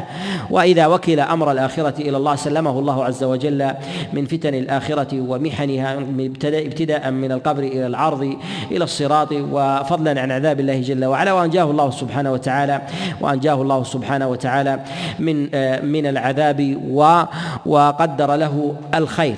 فكأن الإنسان يسلم الأمر لله جل وعلا أن يقدر الخير أن يقدر الله ما يعلمه من خير لعبده وما يعلمه من شر أن يقيه الله عز وجل عز وجل منه سواء كان ذلك في أمر في أمر الدنيا أو كان ذلك في أمر في أمر الآخرة. والسنة أن يصعد إلى أعلى الصفا ويكره للمرأة أن تصعد إلى أعلى يكره المرأة أن تصعد إلى أعلى الصفا كما جاء ذلك عن عبد الله بن عمر قال لا ترفع المرأة صوتها بالتلبية ولا تصعد على الصفا والمروة. ولا خلاف عند العلماء في ذلك ولا خلاف عند العلماء في ذلك أنه يكره للمرأة أن أن تصعد على الصفا حتى لا تبرز ببدنها وإنما تقف على ما يكون ما يسقط به الوجوب ما يسقط به الوجوب هو أدنى الجبل هو أدنى الجبل. فإذا وصلت إلى أدنى فتدعو وتستدير إلى وتستدير إلى المروة ولو دعت كحال الرجل ونحو ذلك فإنه لا حرج في هذا أو أولى بالاقتداء والسنة باعتبار المشروعية. إنما هي إنما هي عامة فلا يستثنى فلا يستثنى من ذلك من ذلك أحد. ثم ينصرف الإنسان من من الصفا إلى المروة فإذا جاء إلى العلمين وهي معلمة الآن بالعلامة الخضراء فيشد الإنسان شدا ثم يسير في ذلك سيرا يسير الإنسان في ذلك في ذلك سيرا ولا تسير المرأة بين العلمين بالاتفاق. حكى الاتفاق على ذلك جماعة من العلماء كابن المنذر وغيره باعتبار أنه ربما يظهر عورتها ويبرزها أمام الناس فنهيت فنهيت عن ذلك وهي خاصة للرجال. وإذا ترك الإنسان ذلك لمصلحة أو نحو ذلك كأن يحمل صبيا أو يقود أعمى أو يقود شيخا كبيرا. وكان يحرص على هذا. كتب الله عز وجل له ما ترك إذا إذا علم حرصه ونيته على على ذلك. ولم يثبت عن النبي عليه الصلاة والسلام دعاء أو ذكر معين يدعو به بين الصفا والمروة بين الصفا والمروة. وإنما جاء ذلك عن عبد الله بن عمر عليه رضوان الله. أما ما صح عن عبد الله بن عمر أنه كان يدعو على الصفا والمروة فيقول اللهم إنك قلت ادعوني أستجب لكم وإنك لا تخلف الميعاد. اللهم كما هديتني للإسلام فلا تقبضني إلا فلا تقبضني إلا وأنا وأنا مسلم. فهذا هو الثابت عن عبد الله بن عمر عليه رضوان الله تعالى. وقد جاء عن عبد الله بن مسعود عليه رضوان الله تعالى أنه كان يدعو في سعيه بين الصفا والمروة يقول ربي اغفر وارحم وأنت الأعز الأكرم فهذا من الموقوفات وأما المرفوع فلا يثبت عن النبي عليه الصلاة والسلام في ذلك في ذلك شيء. ولو جهر النبي عليه الصلاة والسلام بدعائه لنقل فنقول إنه لا يشرع الجهر ب بالدعاء لا يشرع الجهر بالدعاء وإنما أن يسمع الإنسان من حوله شيئا يسيرا بقوله لا إله إلا الله وحده لا شريك له وكذلك أيضا بتكبيره بتكبيره وعلى ما تقدم فيستقبل البيت ويرفع يديه. وأما بالنسبة للدعاء فإنه يخفض صوته لأنه لم ينقل عن النبي عليه الصلاة والسلام في ذلك في ذلك شيء. ولو أسمع نفسه أو من حوله يسيرا فإن هذا فإن هذا لا حرج لا حرج فيه. ويفعل على المروة ما فعل على الصفا. وتقدم معنا أن البداءة بالصفا واجبة. ولو ولو سعى منكسا قد بطل بطل التنكيس في ذلك ويبتدئ في ذلك ما بدأه من ما بدأه من من الصفا وما كان قبل ذلك يعتبر لاغيا ويفعل على المروة ما فعله على الصفا بالتمام من جهة وقوفه واستقباله ورفع يديه وتكبيره وتهليله ومقدار قيامه. كما جاء في قول جابر عن رسول الله صلى الله عليه وسلم قال وفعل على المروة مثل ما فعل على على الصفا وكذلك أيضا في رجوعه من جهة سعيه في بين بين العلمين وحكم المرأة في ذلك أيضا على السواء على ما تقدم في أحوالها ويسعى في ذلك اشواطا سبعة يسعى في ذلك في ذلك اشواطا اشواطا سبعة و إذا نقص أو شك الإنسان في ذلك يبني على ما استيقن وإذا أنقص الإنسان شيئا متعمدا من طوافه وسعيه فهل يبطل بذلك أم لا؟ جمهور العلماء قالوا إن العدد في ذلك توقيفي كعدد ركعات الصلاة فمن تعمد شيئا من ذلك بطل طوافه أو بطل سعيه.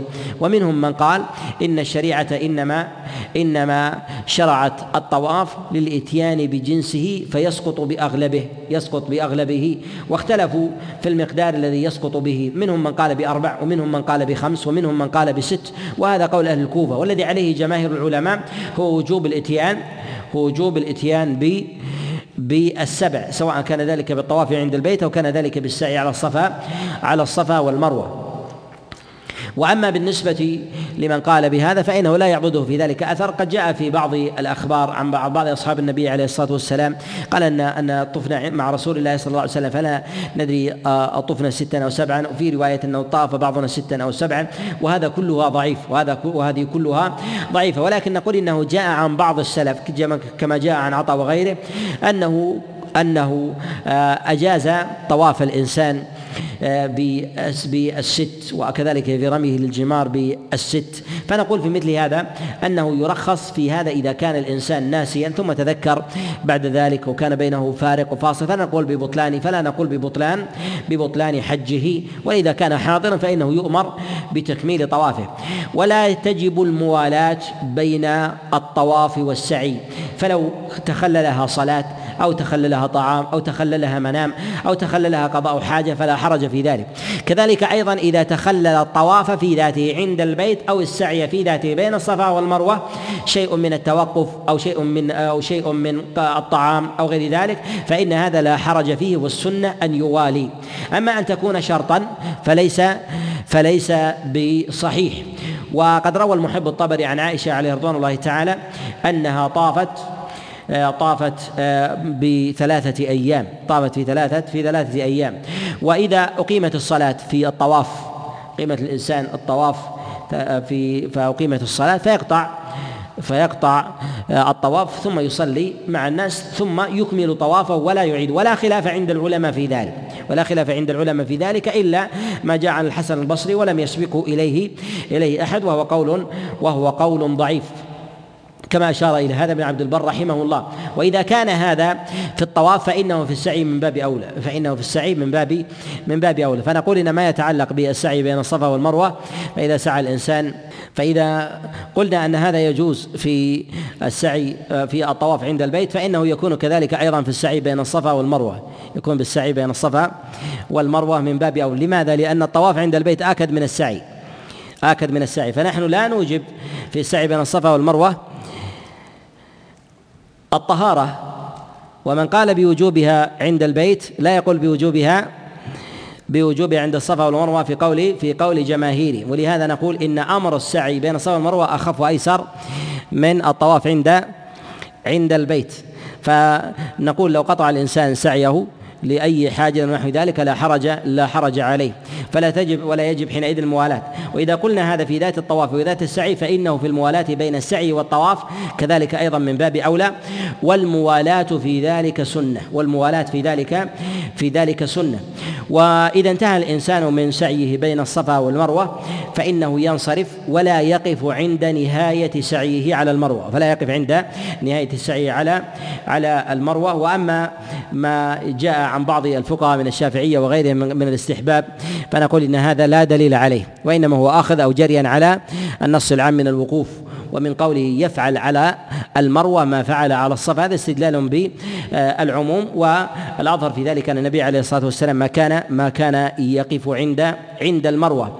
وكذلك أيضا فإن التطوع لا يشرع بالسعي التطوع لا يشرع بالسعي يعني أن الإنسان يريد أن يسعى تطوعا نقول التطوع إنما يكون بالطواف. فليس للإنسان أن أن يسعى متطوعا. أن يسعى متطوعا. لكن لو أراد الإنسان أن يقود أعمى وليس بمحرم أو نحو ذلك. فهل له أن يسعى؟ نقول يسعى. هل يتعبد بهذا؟ نقول لا. يتعبد بإعانة بإعانة من أراد أن يعينه سواء كان كبيرا أو مريضا أو غير أو غير ذلك. وإذا كان متمتعا وانتهى من سعيه فإنه يحلق.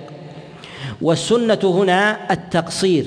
لا الحلق السنة هنا التقصير لا الحلق فالأفضل الحلق من جهة الأصل لا التقصير إلا في هذا الموضع. فالسنة في ذلك أن يكون الإنسان أن يكون الإنسان مقصرا. ثبت ذلك في حديث جابر في صحيح الإمام مسلم وكذلك أيضا جاء في حديث عبد الله بن عمر عليه رضوان الله وغيرها. والسبب في ذلك أن الإنسان يريد أن يبقي شيئا من شعثه للحج.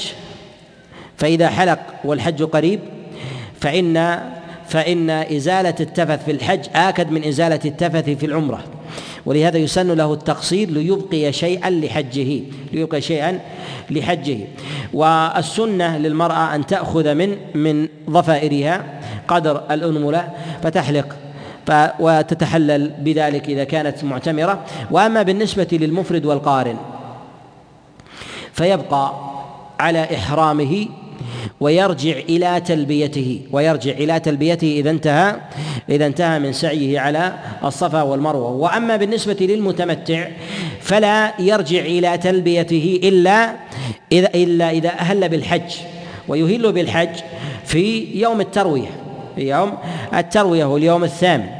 يهل بحج. أما بالنسبة للمفرد والقارن فإنه يبقى على إحرامه. بقي يوما أو يومين أو ثلاثة أو أربعة فيستمر بالتلبية ويراوح معها بين وقت و ووقت. وأما بالنسبة لي للمتمتع فإنه يرجع إلى تلبيته إذا أهل إذا أهل بالحج. والسنة في ذلك أن يعقد إحرامه للحج في يوم في اليوم الثامن من موضعه الذي هو فيه سواء كان في مكة أو كان في منى. ولا يشرع تعمدا يتعمد الإنسان أن يذهب إلى منى ليعقد النية فيها ليعقد النية فيها فليست ميقاتا. فليست ميقات. وإنما السنة أن يبيت فيها ليلة عرفة وأن يصلي فيها الظهر والعصر والمغرب والعشاء والفجر. فإذا طلعت الشمس من يوم عرفة وارتفعت أن يدفع الإنسان إلى إلى عرفة أن يدفع الإنسان إلى عرفة فيكون في ذلك بمنى بائتا. يكون الإنسان في ذلك آه، بائتا فيها. وهذا والسنة واختلف العلماء في وجوب المبيت بمنى في ليلة عرفة. وذهب جمهور العلماء إلى أنه سنة وليس بواجب وذهب بعض العلماء وقال بعض للظاهر وذهب إليه بعض الفقهاء من الحنابلة إلى وجوب المبيت في اليوم الثامن. في اليوم الثامن ليلة عرفة والصواب أنه سنة. الصواب أنه سنة. سواء بات الإنسان بمكة أو بات بمنى أو بات في أي موضع من مكة أو من خارجها فلا حرج عليه. والسنة أن يصلي هذه الصلوات الخمس أن يصلي هذه الصلوات الخمس بمنى وهي الظهر من اليوم الثامن والعصر والمغرب والعشاء والفجر من يوم عرفة. فإذا ارتفعت الشمس فإنه يدفع إلى يدفع إلى عرفة يدفع الإنسان إلى عرفة. ويراوح الإنسان بين تكبير وتهليل وتلبية. وهذا قد جاء في حديث أنس بن مالك وجاء أيضا في حديث عبد الله بن عمر أنهم كانوا مع النبي عليه الصلاة والسلام نفروا من عرب من منى إلى عرفة فمنهم المكبر ومنهم المهلل ومنهم الملبي ولم يكن بعضهم ينكر على بعض. فالسنة في ذلك ان أن يفعل ذلك أن يفعل ذلك كله. وأما التلبية فهي آكد. وأما التلبية في ذلك فهي فهي آكد. ثم إذا قدم منى إذا قدم إلى عرفة قبل الزوال قبل دخول وقت الظهر فإنه ينزل قبلها سواء كان ذلك في نمرة أو كان ذلك أو كان ذلك قبلها إذا لم يجد فيها فإن النبي عليه الصلاة والسلام قد ضربت له قبة بنمرة فنزل فيها رسول الله صلى الله عليه وسلم. وإذا زالت الشمس فإنه يصلي الظهر والعصر ويدخل عرفة. يصلي الظهر والعصر ويدخل ويدخل عرفة. فيقول هنا أن الوقوف يبتدئ من زوال الشمس إلى غروبها من زوال الشمس إلى غروبها لا من طلوعها إلى غروبها لأن طلوعها السنة أن يكون الإنسان في منى ويصلي الفجر فيه وتطلع الشمس عليه بمنى وترتفع عليه بمنى ثم يدفع بعد ذلك إلى يدفع بعد ذلك إلى عرفة. ويدل على أن الوقوف إنما يكون بعد الزوال أن النبي عليه الصلاة والسلام تعمد النزول بنمرة. تعمد النبي عليه الصلاة والسلام النزول بنمرة. ولم يدخل عرفة عليه الصلاة والسلام حتى زالت الشمس. فلما زالت الشمس دخل النبي عليه الصلاة والسلام عرفة مما يدل على أنه هذا هو الوقت الفاضل. هذا هو الوقت الفاضل. يتفق العلماء على أن الوقت الفاضل يبتدئ من زوال الشمس وينتهي بغروبها. واختلفوا فيه هل هو واجب متعين لا يتم الحج إلا إلا به أم هو فضل ولو وقف الإنسان فيما قبل الزوال وبعد الغروب صح وقوفه؟ وهذا يأتي الكلام الكلام عليه. والسنة لمن وقف بعرفة أن يصلي الظهر والعصر أن يصلي الظهر والعصر جمع تقديم وأن يقصر. وجمهور العلماء على أن قصر الصلاة وجمعها لعلة السفر. وذهب إلى هذا وذهب إلى هذا الجمهور. وبعض الفقهاء يجعلون علة الجمع في ذلك هي علة النسك هي النسك. وهذا إلى ذهب إليه جماعة من الفقهاء من المالكية والحنفية وكذلك أيضا بعض الفقهاء من الشافعية. والصواب أن أن علة الجمع في ذلك السفر وكذلك أيضا القصر. وثمة قول قول ثالث في هذا وقول آه، أيضا جماعة من الفقهاء من الحنفية قالوا بأن القصر للسفر والجمع للنسك. أن القصر للسفر وأن الجمع للنسك والصواب في ذلك أن الجمع والقصر إنما هو للسفر لا لا للنسك. ويصلي المكي ولا يقصر ولا يجمع إذا كان في مكة. وإذا خرج منها إلى عرفة جمع مع جمع مع الحجاج وكذلك أيضا في مزدلفة. وكذلك أيضا في مزدلفة. والسنة في ذلك أن يجمع الإنسان جمع تقديم. أن يجمع الإنسان جمع جمع تقديم آه، في وقت الظهر ثم يدخل في ذلك إلى عرفة. النبي عليه الصلاة والسلام وقف على دابته يدعو الله سبحانه وتعالى ولم يثبت عن النبي عليه الصلاة والسلام مع طول دعائه ووقوفه أنه تلفظ بدعاء معين أنه تلفظ بدعاء معين. قد جاء في السنة من حديث عمرو بن شعيب عن ابي عن جده أن النبي عليه الصلاة والسلام قال أفضل ما قلت أنا والنبيون من قبلي لا إله إلا الله وحده لا شريك له له الملك والحمد وهو على كل شيء قدير وأفضل أيام يوم عرفة. فنقول إن هذا الحديث الأصوب فيه الإرسال. أصوب فيه الإرسال وأنه لا يثبت عن النبي عليه الصلاة والسلام ذكر معين. فسواء كان لزم التكبير أو التلبية أو التهليل فهو حسن أو كذلك أيضا دعا وتفرغ بالدعاء فذلك أيضا فذلك حسن.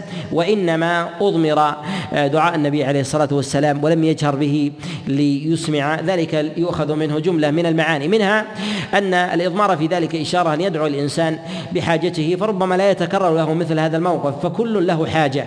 كل له حاجة إما في حاجة خاصة أو حاجة الامه عامة آه، أو يدعو الإنسان أو يدعو الإنسان بمنفعة خاصة أو منفعة عامة أو بدفع شر خاص أو دفع شر عام على اختلاف النوازل وأحوال ومنازل الناس ومراتبهم واحوالهم وحاجاتهم فاضمر هذا الأمر. وفيه أيضا أن النبي عليه الصلاة والسلام يظهر منه أنه لم يكن يجهر عليه الصلاة والسلام بدعائه ولو كان النبي عليه الصلاة والسلام في ذلك جار لنقل ولو دعاء واحد لنقل ولو دعاء واحد. فالسنه في ذلك أن يسر الإنسان في دعائه يسر الإنسان في دعائه. ويؤخذ منه كذلك أيضا أن النبي عليه الصلاة والسلام لم يكن يكرر دعاءه لو كان جاهرا به لأنه لو كرر لا لنقل عنه لنقل عنه. فإذا قلنا بالجهر فإذا قلنا بالجهر فنقول النبي عليه الصلاة والسلام كان يدعو ولا يكرر ولو قلنا بالاصرار فإننا قلنا مضمون الدعاء لم يكن معلوما حتى يعلم تكراره من عدم من عدم تكراره. ويدعو الإنسان بما بما شاء سواء كان واقفا أو كان على دابته أو كان جالسا. وقد كان النبي عليه الصلاة والسلام على دابته يدعو الله سبحانه وتعالى ويرفع يديه كذلك يستحب آه، للواقف بعرفة أن يرفع يديه. والوقوف بعرفة ركن من أركان الحج. كما جاء في المسند والسنة من حديث عبد الرحمن بن يعمر أن النبي عليه الصلاة والسلام قال الحج عرفة ولا خلاف عند العلماء في ذلك. وأن من لم يقف بعرفة قد فاته قد فاته الحج. قد فاته الحج. والعلماء يختلفون في ابتداء الوقوف المفضول كما يختلفون في انتهاء في انتهاء الوقوف في انتهاء الوقوف. وإن كان عامتهم عامتهم يتفق على ضبط نهاية الوقوف ويختلفون في ابتداء في ابتداء ما يصح به به الوقوف. لا يختلف العلماء على أن الوقت الفاضل إنما يكون من زوال الشمس يعني من دخول وقت الظهر إلى غروب الشمس وأن هذا هو الوقت الذي وقفه النبي عليه الصلاة والسلام وأن من استوعبه تاما قد جاء بالنسك كما جاء عن رسول الله صلى الله عليه وسلم واختلفوا في الوقوف قبل الزوال هل يجزي عنه أم لا؟ نقول أيضا يتفق العلماء على أن الوقوف بعد غروب الشمس أفضل منه من الوقوف قبل قبل زوال الشمس فيرون أن الوقوف ليلا أفضل من الوقوف نهارا قبل الزوال قبل الزوال. وذلك لأن النبي عليه الصلاة والسلام وقف بعد الغروب ولم يقف النبي صلى الله عليه وسلم قبل قبل الزوال. وجماعة من العلماء يرون صحة الوقوف بعد غروب الشمس ولا يرون صحة الوقوف قبل قبل زوالها. قد حكى بعض العلماء الاتفاق وفيه نظر أن من وقف قبل الزوال لم يقف بعرفة ووقوفه ليس بصحيح. حكى الإجماع على هذا جماعة كابن عبد البر وكذلك أيضا آه، ابن العربي وغيرهم أن من وقف قبل الزوال لم يكن واقفا.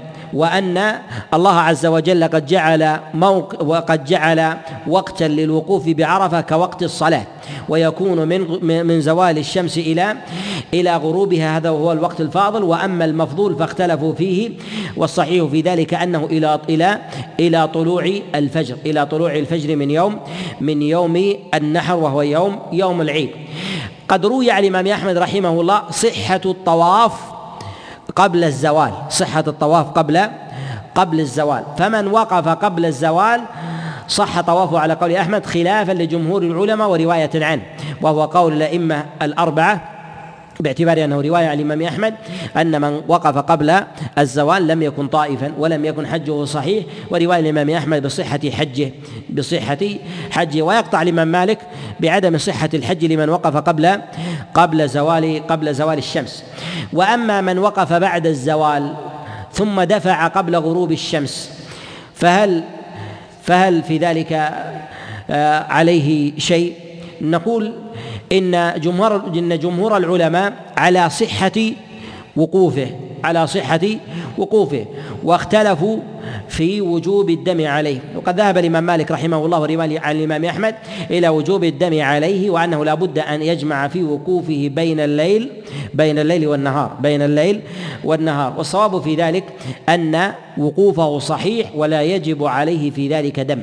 وذلك لقول النبي عليه الصلاة والسلام كما جاء في المسند والسنة من حديث عروة المدرس أن النبي عليه الصلاة والسلام قال ووقف قبل ذلك أية ساعة من ليل أو نهار فذكر أي ساعة وهذه الرواية في قوله أية ساعة من ليل أو نهار أخذ بها الإمام أحمد رحمه الله في صحة الوقوف بعرفة قبل زوال الشمس قبل زوال الشمس. ولكن نقول إن القول بصحة الوقوف قبل الزوال هو لقلة أو ندرة من العلماء فليحتط فإن فإن الوقوف ليلا آكد منه من الوقوف قبل الزوال نهارا قبل الزوال نهارا فإذا خير الإنسان أو ضاق وقته أو لم يكن لديه متسع إلا بأن يقف قبل الزوال أو يقف ليلا بعد الغروب فيقف ليلا بعد الغروب أفضل من أن يقف قبل الزوال أفضل من أن يقف قبل الزوال. ولا يختلف العلماء في ذلك أن الوقوف ليلا أفضل من الوقوف نهارا قبل الزوال.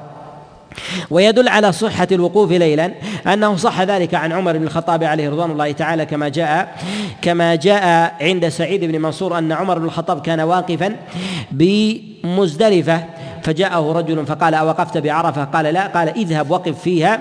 ثم ائت إلينا فذهب الرجل إلى إلى عرفة فصلى عمر بن الخطاب عليه رضوان الله تعالى صلاة الفجر ثم ركب دابته فقال أجاء الرجل؟ فقالوا لا. ثم انتظر فقال أجاء الرجل؟ فلما جاء دفع عمر بن الخطاب إلى دفع عمر بن الخطاب عليه رضوان الله تعالى إلى إلى منى. وهذا يدل على أنه صحح وقوفه ليلا ولم يلزمه بدم ولم يلزمه بدم فنقول إن إن الوقوف في ذلك إن الوقوف في ذلك صحيح ولا يلزم عليه دم ولكنه ترك الوقت الفاضل إلى الوقت إلى الوقت المفضول. ومع شدة ازدحام الناس وكثرتهم ووفرتهم فيكون ذلك من التيسير عليهم. فلا يجب على الإنسان أن يجمع بين الليل والنهار ولو جمع فهو حسن ولا يجب عليه كذلك أيضا عينا أن يقف نهارا فلو وقف ليلا صح منه ولكنه ترك الفاضل إلى المفضول وكل على يساره وسعته. ولكن ولكن آه، يتأكد يتأكد عدم التساهل في مسألة الوقوف قبل الزوال في الوقوف قبل الزوال. وأما من يقف قبل الزوال فيقف ثم يدفع ويدع الناس بعرفة وهو في الوقت الذي وقف فيه النبي عليه الصلاة والسلام. فنقول في ذلك في ذلك قد وقع في أمر آه، مخالف ولم يكن ولم يجري عليه عمل الصحابة ولا كذلك التابعين ولا أئمة الإسلام فلم يكن أحد يدفع قبل الزوال بل لم يكونوا يقفوا يقفوا يقفون قبل الزوال فضلا عن أن أن يدفعوا قبل قبل الزوال.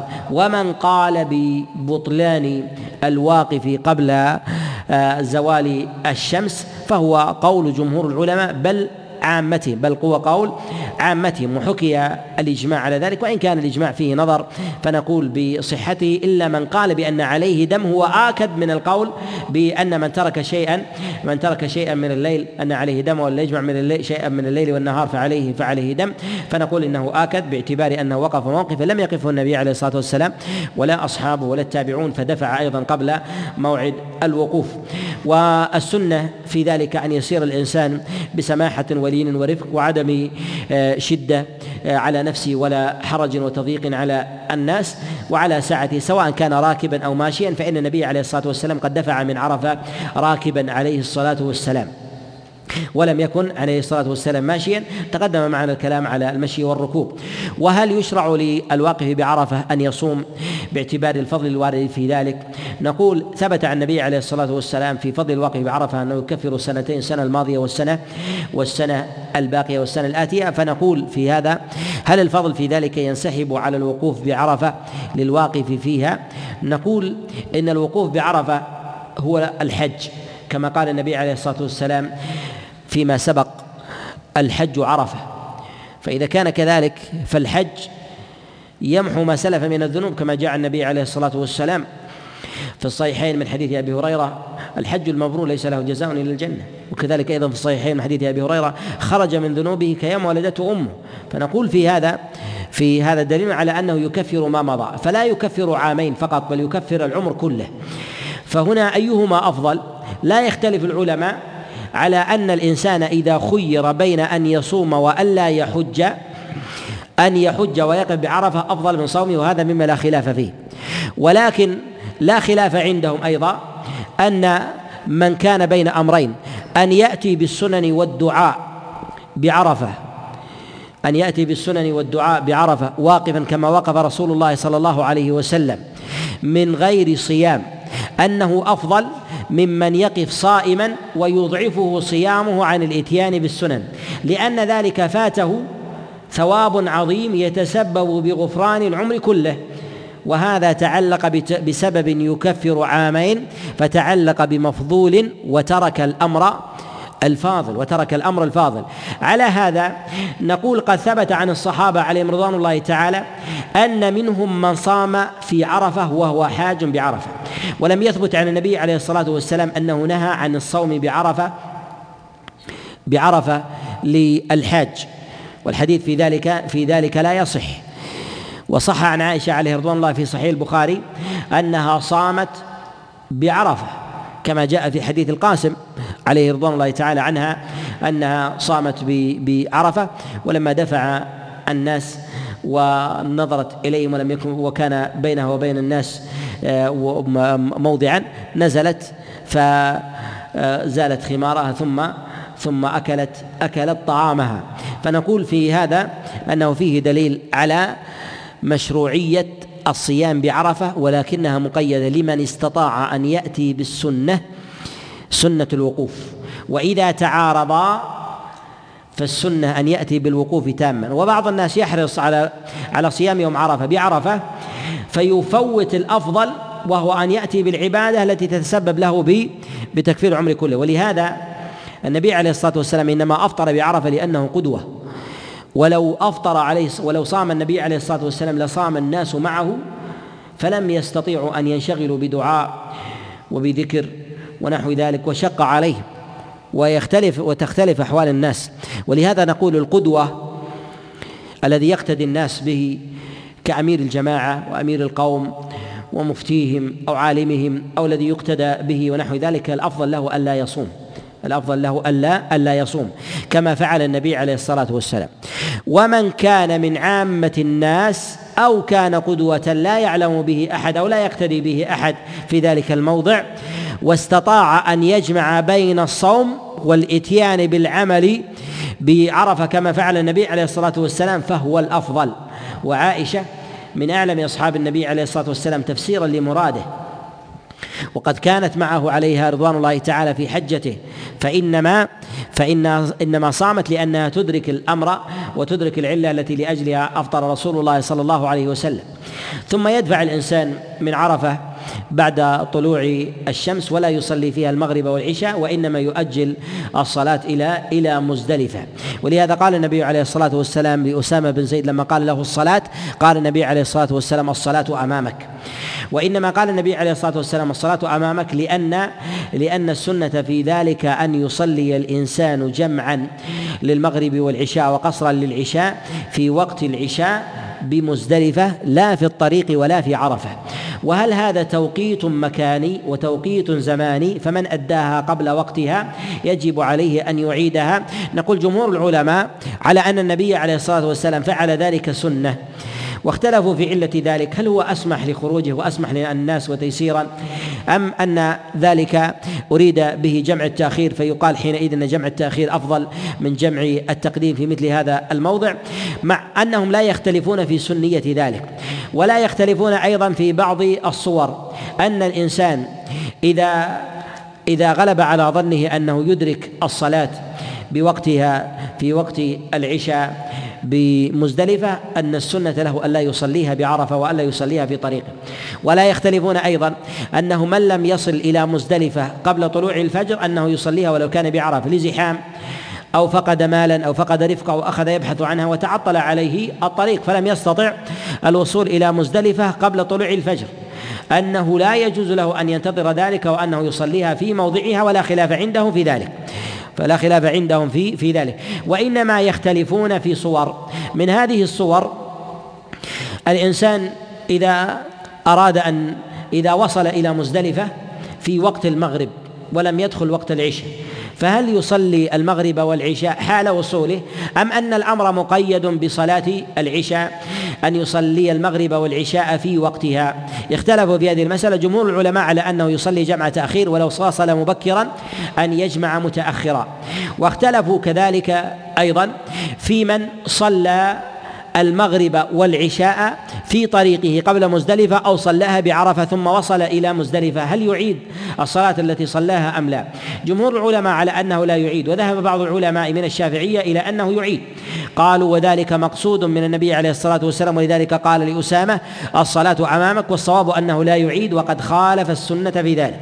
الصواب أنه لا يعيد وقد خالف السنة السنة في ذلك. وإذا جاء إلى إلى مزدلفة يجب عليه المبيت والمبيت واجب عند جمهور العلماء قد اختلف العلماء في المبيت على أقوال. ذهب الجمهور إلى إلى الوجوب. ذهب الجمهور إلى إلى الوجوب وذهب قلة من الفقهاء بعض الفقهاء الشافعية إلى أنه ركن. ذهب إلى هذا ابن القفال وكذلك أيضا من خزيمة. من الشافعية وذهب إليه أيضا بعض الفقهاء من متأخري المالكية والصواب كذلك أيضا بعض أهل الحديث من المتأخرين إلى أنه ركن.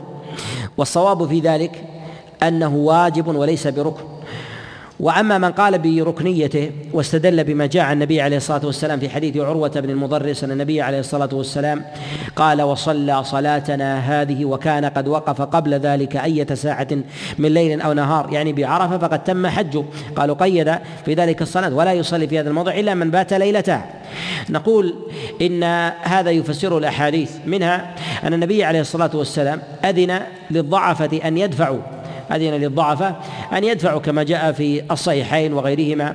وكذلك أيضا فإنه في خبر عمر بن الخطاب عليه رضوان الله في الرجل الذي جاء متأخرا قال وقفت بعرفة. قال لا اذهب وقف فيها ثم أتنا. فإنه لم يأتي إلا وقد صلى الفجر. ومع هذا نتيقن أنه لم يقف لم يقف أو لم يبت بمزدلفة. ومع ذلك ما أوجب عليه دم. ولو كان ركنا ولو كان ركنا لما صح حجه. ولا أمره عمر أن يذهب للوقوف بعرفة وأن يعجل لإدراك شيء من المبيت بمزدلفة. فقد فاته المبيت بمزدلفة يقينا لأنه ما جاء إلى عمر إلا إلا بعد بعد ما انقضت الصلاة. فنقول حينئذ إن المبيت بمزدلفة واجب وأن من تركه فقد ذهب الجماهير الذين قالوا بالوجوب عامة عامتهم قالوا بوجوب الدم الدم عليه. وهذا هو المشهور عند المالكية وكذلك أيضا الحنابلة والشافعية وكذلك أيضا الحنفية إلى أن المبيت في ذلك واجب. ذهب بعض السلف إلى أنه ليس بواجب إلى أن المبيت بمزدلفة سنة ونقول إن المبيت بمزدلفة بمزدلفة واجب وأما الوقوف فهو سنة. ولدينا بمزدلفة أمران شرعيان. الأول الوقوف والوقوف يكون بعد صلاة الفجر. أن يقف الإنسان ينتظر قليلا أن ينتظر الإنسان قليلا حتى حتى يكون فيه نوع إسفار وقبل طلوع قبل طلوع الشمس يدفع الإنسان قبل طلوع الشمس يدفع الإنسان. والثاني المبيت والمبيت في ذلك يكون من وصوله من عرفة. غير متراخي.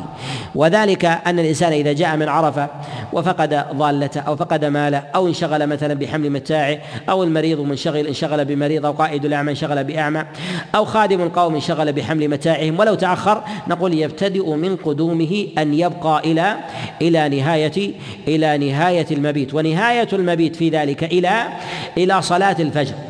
إلى صلاة الفجر فإذا صلى الفجر انتهى مبيته. وما بعد ذلك وهي فترة يسيرة تسمى الوقوف. خالف في ذلك أبو حنيفة في قول له قال بوجوب الوقوف وسنية المبيت. قال بوجوب الوقوف وسنية المبيت والذي عليه جمهور العلماء وهو رواية أيضا آه، عن أبي حنيفة وقال بها جماعة من الفقهاء من الحنفية أيضا أن المبيت أن المبيت واجب أن المبيت في ذلك واجب والصواب آه، أن الوقوف سنة والمبيت واجب وذلك لظاهر فعل النبي عليه الصلاة والسلام وعمل الصحابة عليهم رضوان الله تعالى من بعده. ولا حرج على الضعفاء أن يدفعوا ودفعهم يكون بعد منتصف الليل ومنتصف الليل يكون بحساب الوقت من غروب الشمس إلى طلوع الفجر والنصف بينهما هو منتصف الليل.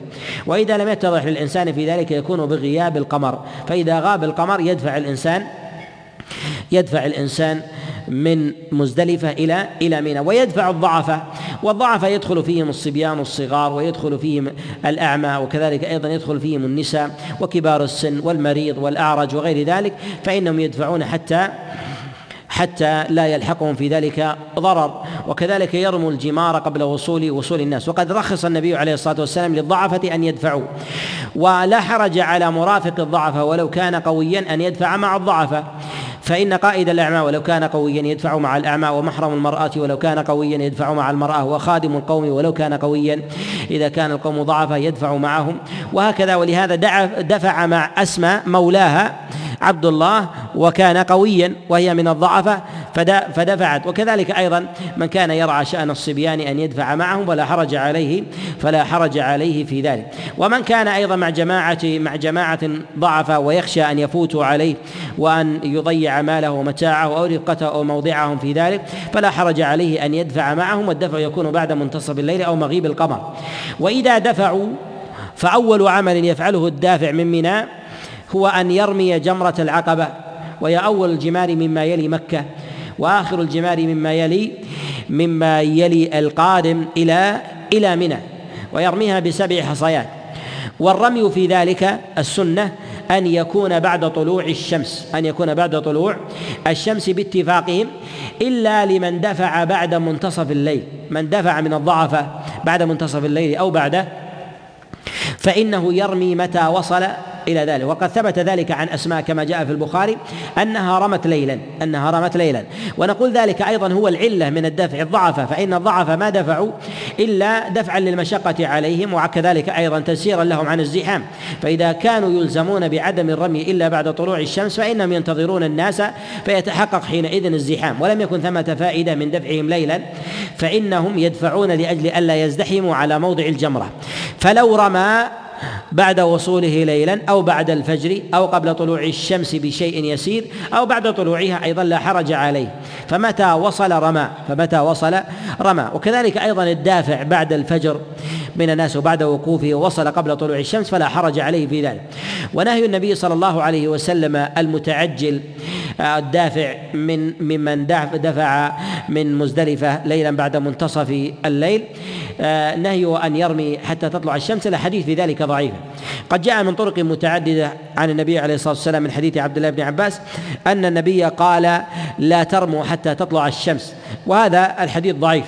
جاء من طرق متعددة عن عبد الله بن عباس ورواه جماعة وكلها وكلها ضعيفة. ونقول الرمي بعد طلوع الشمس سنة بالاتفاق ومن تعجل فإنه يرمي ليلا ولا حرج ولا حرج عليه. وبرميه لجمرة العقبة يتحلل ويتوقف عن التلبية. فهو مستمر بتلبيته حتى رمي جمرة العقبة. فإذا رماها توقف عنده وهذا قول جمهور العلماء. وذهب الإمام أحمد رحمه الله إلى أنه يتوقف بعد رميها بعد رمي الحصاة السابعة. والسنة نقول أنه عند الرمي يكبر مع كل حصاة كما جاء عن النبي عليه الصلاة والسلام. يرمي ويكبر ويرمي ويكبر فلا موضع لي فلا موضع لي التلبية بين بين ذلك. وإنما إذا شرع بالرمي توقف عن التلبية وينتهي في ذلك الجميع سواء كان المفرد أو القارن أو المتمتع يتوقفون جميعا. ويرميها بسبع حصيات وجوبا. وذلك لفعل النبي عليه الصلاة والسلام وفعل أصحابه. ويبني على ما استيقن عند الشك. ونقول إن في الرمي أن يرمي كما رمى رسول الله صلى الله عليه وسلم بالحصى الصغير كحصى الخذف ويكون من اصله من جنس الأرض ولا يرمي مثلا بالخشب ما لم يكن مثلا من جنس الأرض أو مثلا من المعادن أو نحو ذلك وإنما يرمي بالحصى. وحصى الخذف هو كحال كحال ما أصغر من الانمله والحمصه ونحو ذلك. وقد جاء تفسيرها كما جاء في حديث عبد الله بن مغفل في الصحيحين في قوله عن حصى الخذف إنها لا تك إنها لا تصيد صيدا ولا تنكأ عدوا ولكنها تكسر السن وتفقع العين. فنقول في مثل هذا هذا هو المقصود بالمقصود بحصى الخذف الذي يرمى يرمى به. ويرمى مرة ويرمى دفعات كل واحدة ولا يرمى مرة واحدة. ومن رمى أكثر من حصاة مرة واحدة فتأخذ حكم حكما واحدا. فمن رمى حصاتين مرة أو ثلاثا مرة أو أربعا مرة فتأخذ حكما واحدا كحكم الحصاة الواحدة التي تنفلق في القين بعد رميتها فحكمها في ذلك في ذلك واحد. ويكبر مع كل مع كل حصاة يرميها. وهذه الحصاة التي يرميها وهي جمرة العقبة بها يتحلل الإنسان تحلله الأول.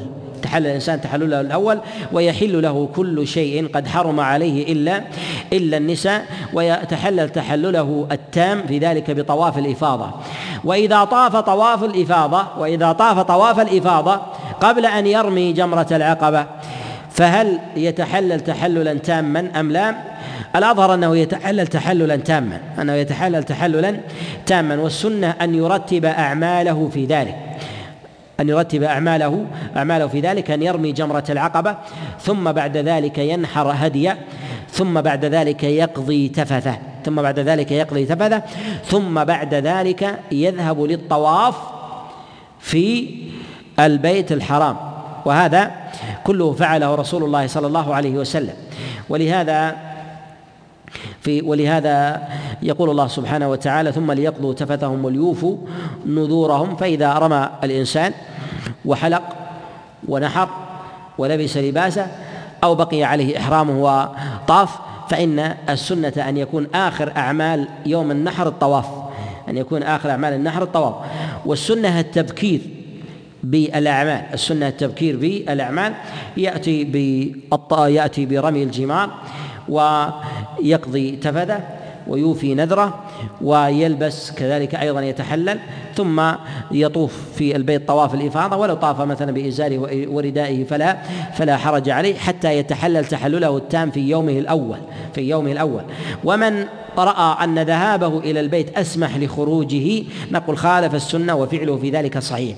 لأن النبي عليه الصلاة والسلام سئل عن التقديم والتأخير في ذلك اليوم فقال لا حرج افعل ولا ولا حرج وذلك من تيسير أعمال أعمال الحج من تيسير أعمال الحج للمشقة في ذلك والأجر في ذلك أن يفعل ما فعله النبي عليه الصلاة والسلام واستمر عليه الصحابة. ولو لم يكن الفضل على الترتيب في أعمال يوم في أعمال يوم النحر لما التزم الصحابة عليهم رضوان الله تعالى ذلك بعده لما التزم الصحابة عليهم رضوان الله تعالى ذلك بعده وهذا يدل على أن الالتزام بذلك السنة وأن ترك الترتيب في ذلك مفضول لا حرج على الإنسان على الإنسان فيه لا حرج على الإنسان فيه. ويبقى فيما يتعلق بالأحكام المتعلقة بمنى. نقول المبيت بمنى واجب. وهذا الذي عليه جماهير العلماء ويدل على ذلك جملة من الأدلة منها التزام النبي عليه الصلاة والسلام له في تلك الليالي فليست ليلة واحدة والتزام الصحابة عليهم رضوان الله تعالى له فالتزامهم وانضباطهم على مثل هذا بليالي متعددة مع أن المدينة ليست موضعا للماء وليست موضعا للطعام وليست موضعا لمبيت القار وإنما هي وإنما هي موضع للإنسان. ابن السبيل لابن السبيل. فمع ذلك بقي النبي عليه الصلاة والسلام هذا العدد دليل على على تأكيدها. ثم أيضا إن الماء يجلب والطعام يجلب إشارة إلى التشديد والتأكيد على هذا الأمر. وكذلك أيضا من الأدلة أن النبي عليه الصلاة والسلام رخص للسقاة وللرعاة في ترك المبيت. ويدل هذا على على أن من رخص له أن من لم يرخص له واجب عليه. أن من لم يرخص له واجب عليه يدل على أن الأمر يحتاج إلى ترخيص. وما يحتاج إلى ترخيص فالأصل فيه الوجوب. فالأصل فيه الوجوب. والمبيت في ذلك لا يلزم منه النوم أو الاضطجاع وإنما يبقى الإنسان ليلا. يبقى الإنسان ليلا ويكون ذلك من أول الليل من غروب الشمس إلى إلى طلوع الفجر. فيبقى الإنسان شطر الليل أو أكثر شطر الليل أو أكثر يسمى مبيتا. ويبيت الإنسان في أي موضع وجده وينهى في ذلك عن الجلوس والمبيت في الطرقات لأن النبي عليه الصلاة والسلام قال إياكم والجلوس في الطرقات فحذر النبي عليه الصلاة والسلام الجلوس فيها فإنها ليست موضعا لجلوس فضلا أن تكون موضعا لمبيت. وإذا وجد الإنسان موضعا من المواضع العامة إما من أراضي الفضاء أو سفوح الجبال أو الحدائق فإنه يجلس فيها ويتعين عليه. وإذا لم يجد الإنسان موضعا إلا الطرقات أو الجسور أو الممرات التي يمر بها إما إما السيارات أو المارة أو أرزاق الناس وشأنهم فإنه ينهى عن ذلك ويسقط عنه ويسقط عنه. ولا يقال ما يذكره من قيد بعض الفقهاء أنه ما يجد الإنسان مبيتا لمثله فلا يوجد مثلية ذلك. فالوزير كحال الفقير والملك كحال المملوك والرئيس كحال المرؤوس. فإذا وجد الملك أو الوزير أو الغني أو التاجر موضعا ولو على سفح جبل وجب عليه.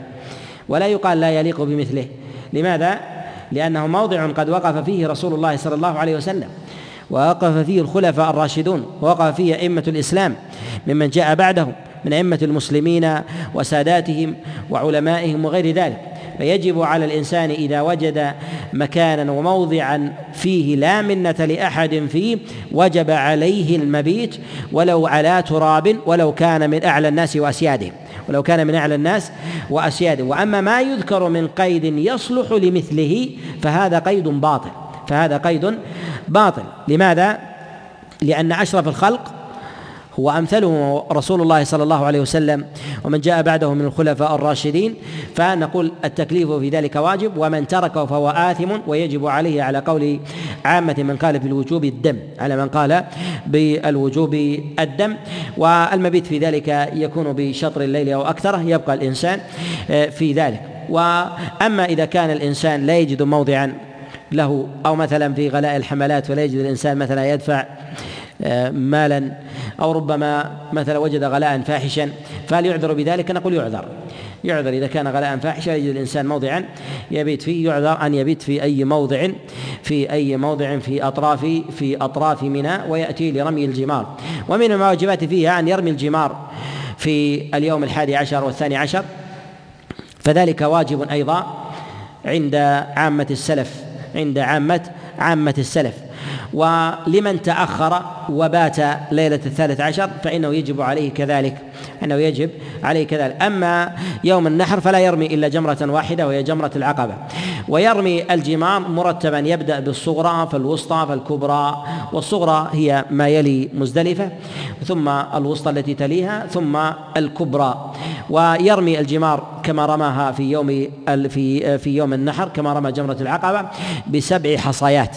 بسبع حصيات. ويكبر مع كل حصاة على ما تقدم ويجوز في ذلك النيابة أن ينيب الإنسان غيره أن ينيب الإنسان غيره. وثمة مسألة وهي من المسائل المهمة أن الإنسان إذا وجد زحاما فالأفضل له أن يجمع الرمي في آخر يوم أفضل من أن ينيب غيره. ويتساهل الناس في أمر النيابة يتساهل الناس في أمر في أمر النيابة. في فينيبون لأي مشقة ولو كان زحاما. نقول الأولى أن تجمع في يوم واحد أفضل من أن تنيب.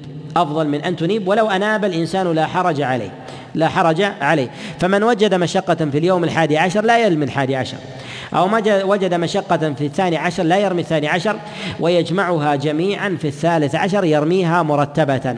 الصغرى فالوسطى فالكبرى ثم يرجع الوسطى الصغرى فالوسطى فالكبرى وهكذا يرمي عن ثلاثة أيام. وهذا أفضل من أن ينيب. وذلك أن النبي عليه الصلاة والسلام رخص للرعاة أن يجمعوا الرمي في يوم. أن يجمعوا الرمي الرمي في في يوم.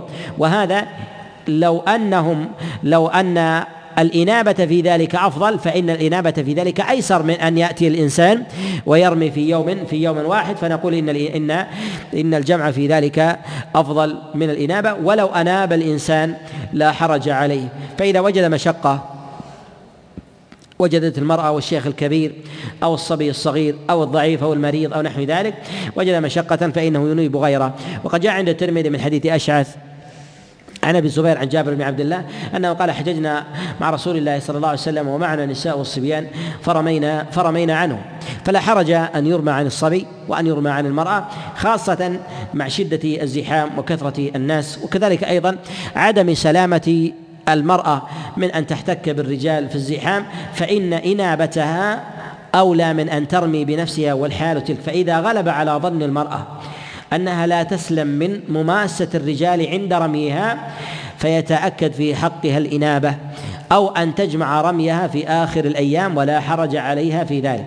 ويدخل في هذا كذلك أيضا من كان منشغلا بأمور الحاج. ممن كان حاجا مع الناس وينشغل بأمنهم أو ينشغل مثلا بطعام الناس أو حراسة متاعهم ونحو ذلك أن يجمع الرمي إلى آخر آخر الأيام. والسنة في ذلك أن يرمي بعد الزوال في الحادي عشر والثاني عشر والثالث عشر. وأما بالنسبة لجمرة العقبة السنة في ذلك أن يرميها قبل الزوال مبادرا فيها. ولو رمى قبل الزوال لا حرج في ذلك والرمي ينتهي بطلوع الفجر من اليوم التالي بطلوع الفجر من اليوم التالي. فمن مات بمنى وكان من أهلها أو كان من أهل المبيت ممن حولها فإنه يرمي بعد الزوال فإن النبي عليه الصلاة والسلام كان يتحين ذلك كما جاء في حديث عبد الله بن عمر في الصحيح. وإذا أراد الإنسان أن يتعجل فلا حرج عليه وذلك كما جاء في حديث كما جاء في قول الله جل وعلا فمن تعجل في يومين فلا إثم عليه ومن تأخر فلا إثم عليه لمن اتقى. فمن تعجل في اليوم الأول في اليوم الثاني عشر وأراد أن لا يبيت فإنه يدفع قبل غروب الشمس ليلة الثالث عشر. فإذا غربت عليه الشمس ولم يدفع وهو في موضعه الذي هو فيه وجب عليه أن يبيت إلى القابل. وهذا قول جمهور العلماء وقد أمر به عمر وعبد الله بن عمر صح عنهما ذلك. ولا مخالف لهما من أصحاب رسول الله صلى الله عليه وسلم أن يبيت إلى إلى الغد. والرمي لا يختلف العلماء على أنه يكون بعد الزوال أن يكون بعد الزوال في أيام التشريق وهذا باتفاقهم. وإنما اختلفوا في الرمي قبل الزوال هل يصح أو لا يصح؟ هل يصح أو لا يصح وهل يجزي أو لا يجزي مع أنهم اتفقوا على فضل فضله بعد الزوال وأنه الذي جاء النبي عليه الصلاة والسلام. جمهور العلماء على عدم صحته قبل الزوال وأنه مؤقت كتوقيت الصلاة وكتوقيت الوقوف بعرفة فيكون بعد الزوال. ولهذا جاء في حديث عبد الله بن عمر قال كنا نتحين والتحين في ذلك والتربص فليس يوما واحدا حتى يقال إنما جاء على سبيل الاعتراض ونحو ذلك وإنما هي أيام متتالية وأعوام متتابعة. بعد ذلك من عمل الصحابة اقتداء برسول الله صلى الله عليه وسلم. فيرمي بعد بعد الزوال والأفضل أن يرمي نهارا ولو رمى ليلا فلا حرج عليه ويستمر الرمي إلى طلوع الفجر التالي من اليوم التالي.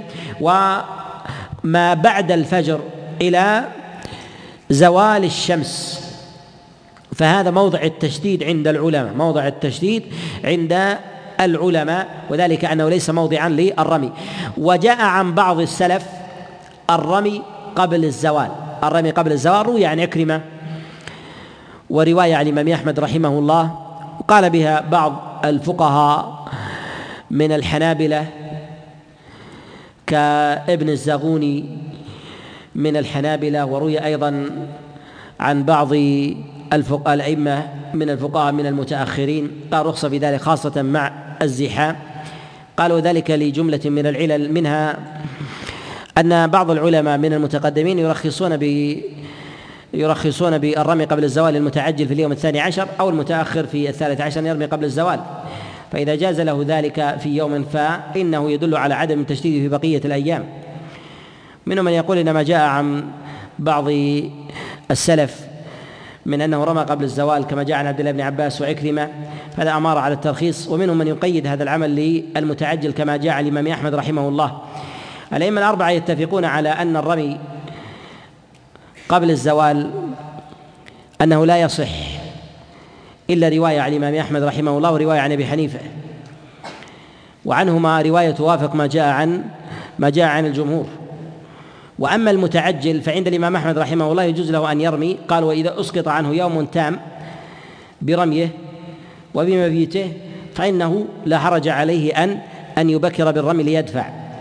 ونقول إنه يرخص للمتعجل ما لا يرخص ما لا يرخص لمن أراد أن يبيت تلك الليلة. من أراد أن يبيت فإنه يرمي بعد الزوال. ومن خير بين خفة الناس ويسرتهم عند الزحام قبل الزوال أو أن يرمي ليلا يقول يرمي ليلا أفضل. ومن خير بين أمرين بين أن يرمي قبل الزوال أو أن يجمع الرمي في يوم واحد بعد الزوال. يجمع الرمي في يوم واحد بعد الزوال أفضل من أن يرمي كل يوم في وقته قبل الزوال. وذلك لثبوت التأخير عن النبي عليه الصلاة والسلام وترخيصه للرعاة فيه ولم يثبت أنه أنه فعل أو رخص أو فعل الصحابة عليهم رضوان الله تعالى الرمي قبل الزوال واستداموه في ذلك والروايات في ذلك عنهم عنهم محتملة. وكل جمرة يرميها الإنسان يفعل فيها ما فعله عند الأخرى. وثابت عن النبي عليه الصلاة والسلام أنه دعا بعد كل جمرة إلا الجمرة الأخيرة وهي جمرة العقبة فلا يقف عندها وإنما يرمي الجمرة الأولى ثم يسهل يسيرا يعني يبتعد عن موضع الرمي. ف يدعو الله سبحانه وتعالى بما بما شاء.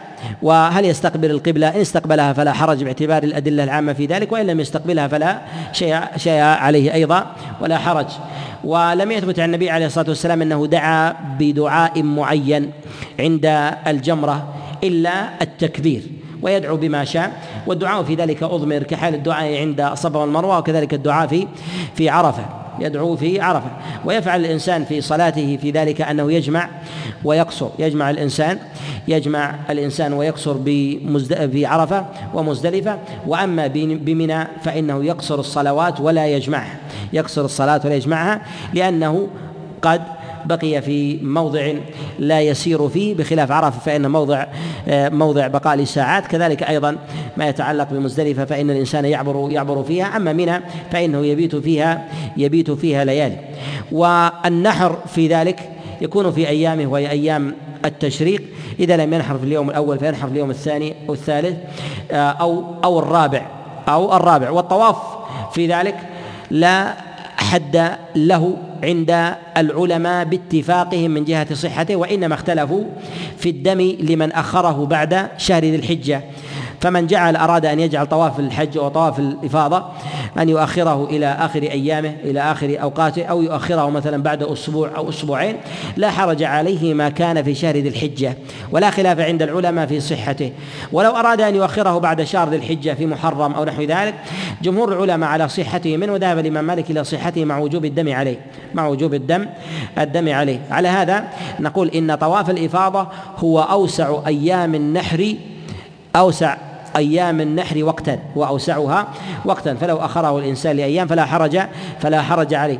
بخلاف ما كان من أيام التشريق ما يتعلق مثلا بالنحر ما يتعلق بالرمي رمي جمرة العقبة وقتها ضيق ما يتعلق كذلك أيضا بالمبيت مؤقتة فإنه إذا انتهى اليوم الثالث عشر انتهى المبيت فليس له أن يبيت أيام أخرى ونحو ذلك وإنما هي ثابتة. أما بالنسبة للطواف فهو أوسع أعمال طواف الإفاضة أوسع أعمال يوم النحر وقتا فإذا أراد أن يؤخره أن يجمع بينه وبين طواف الوداع فإنه يجزي عنه كذلك ولا حرج ولا حرج عليه.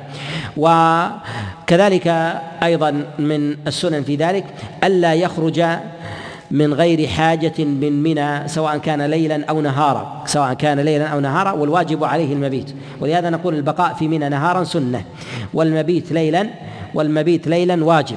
ويكون ذلك بقدره. وأما ما يتسنن به البعض من المتعبدة من أنهم يذهبون إلى الحرم ويصلون لإدراك فضيلة الصلاة نقول الصلاة في أيام منى بمنى أفضل من الصلاة بمكة عند البيت. لأن هذا هو هدي النبي عليه الصلاة والسلام وقوله عليه الصلاة والسلام لتأخذوا عني مناسككم وقد ذهب النبي عليه الصلاة والسلام عاجلا إلى مكة فطاف فيها ثم رجع إلى منى فلم يخرج منها عليه الصلاة والسلام حتى خرج النبي عليه الصلاة والسلام في ذلك إلى إلى وداعه ثم ثم انصرف عليه الصلاة والسلام. وبعد انتهاء المبيت للمتعجل فيرخص له بالمتعجل وكذلك أيضا المتأخر أن يرمي قبل الزوال أو رمى بعد الزوال فهو أفضل. ثم بعد ذلك يذهب للطواف وهو طواف طواف الوداع طواف الوداع وإذا أراد أن يجمع طواف الإفاضة مع طواف الوداع فهو فهو صحيح. إلا المكي من كان من أهل مكة فإنه ليس عليه طواف وداع ليس عليه طواف وداع وإنما الوداع لمن ودع لمن ودع البيت وخرج منه. وطواف الوداع إنما يشرع للحج لا يشرع للعمرة. ولم يثبت عن النبي عليه الصلاة والسلام مشروعيته عن العمره وقد جاء في السنن آه، في حديث أن مشروعية الطواف لطواف الوداع للحج والمعتمر وإسناده ضعيف في ابن البيلماني وقد تكلم فيه. فلا يثبت عن النبي ولا عن أحد من الصحابة ولا عن أحد من التابعين.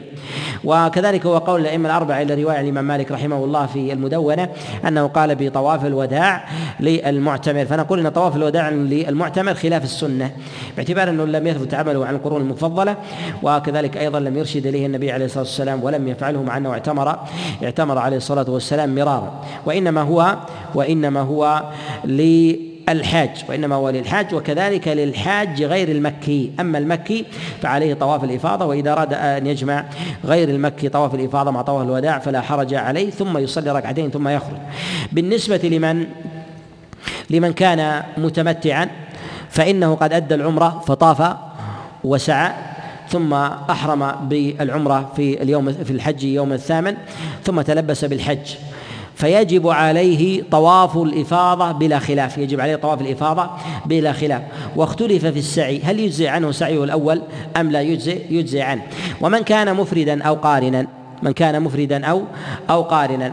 فنقول إن المفرد والقارن إذا طاف في البيت وسعى قبل الوقوف بعرفة قبل الوقوف بعرفة.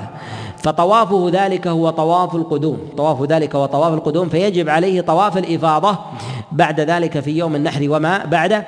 وسعيه ذلك هل يجزئ عنه سعيه قبل عرفة أم لا يجزي عنه نقول يجزي عنه كما جاء في حديث جابر وكذلك أيضا جاء عن عبد الله بن عباس وعبد الله بن عمر عليهم رضوان الله.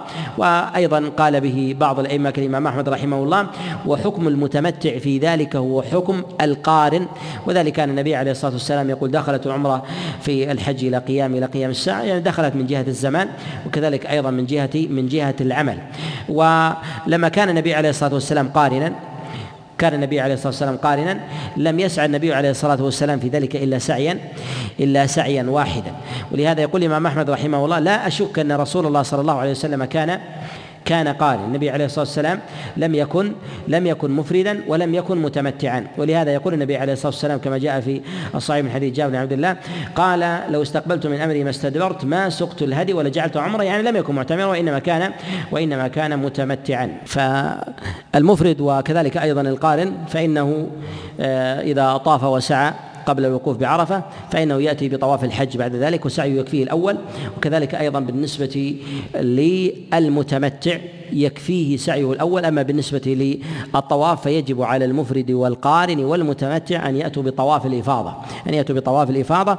ومن أراد أن يجمع منهم طواف الإفاضة مع طواف الوداع أيضا فيؤخره فإنه لا حرج عليه. والسنة أن يبكر بطواف آه، الإفاضة في يوم النحر ولو أخره في اليوم الثاني عشر أو الثالث عشر آه، فإنه لا حرج عليه. وإذا أراد الإنسان أن يخرج من منى فإنه يخرج قبل غروب الشمس.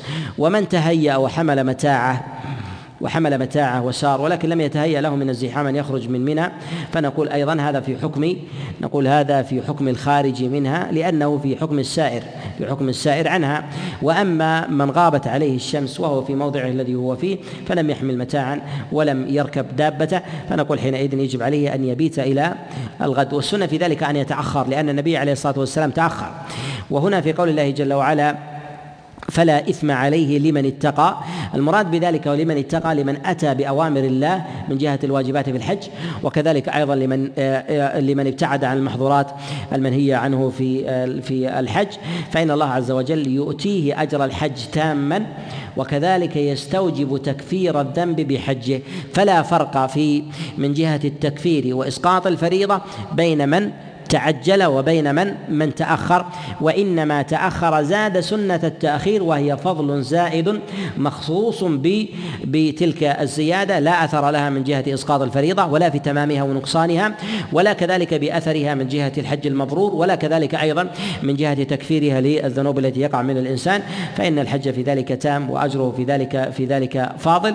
وكذلك من أراد أن ينيب أن ينيب غيره فيرمي عن نفسه كل جمرة ثم يرمي يرمي ثم يرمي عن غيره ولا يجب عليه أن يبتدئ بالجمار ثم يرجع لأن يرمي عن غيره فإنه لا حرج عليه في ذلك ولا دليل على الاستيفاء أن يستوفي الإنسان عن نفسه ثم يستوفي عن أن يستوفي عن غيره. ولكن يجب في ذلك يجب في ذلك الترتيب. كأن يكون الإنسان مثلا أن ناب عن امرأة أو شيخ كبير أو رجل لا يستطيع الرمي وذهب ذلك الشيخ ليوادع وهو لم يرمي. نقول يجب أن يقع الرمي قبل طواف صاحب الحج للوداع يرمي عنه ثم ثم يذهب ذاك للطواف حتى تترتب في ذلك في ذلك أعماله.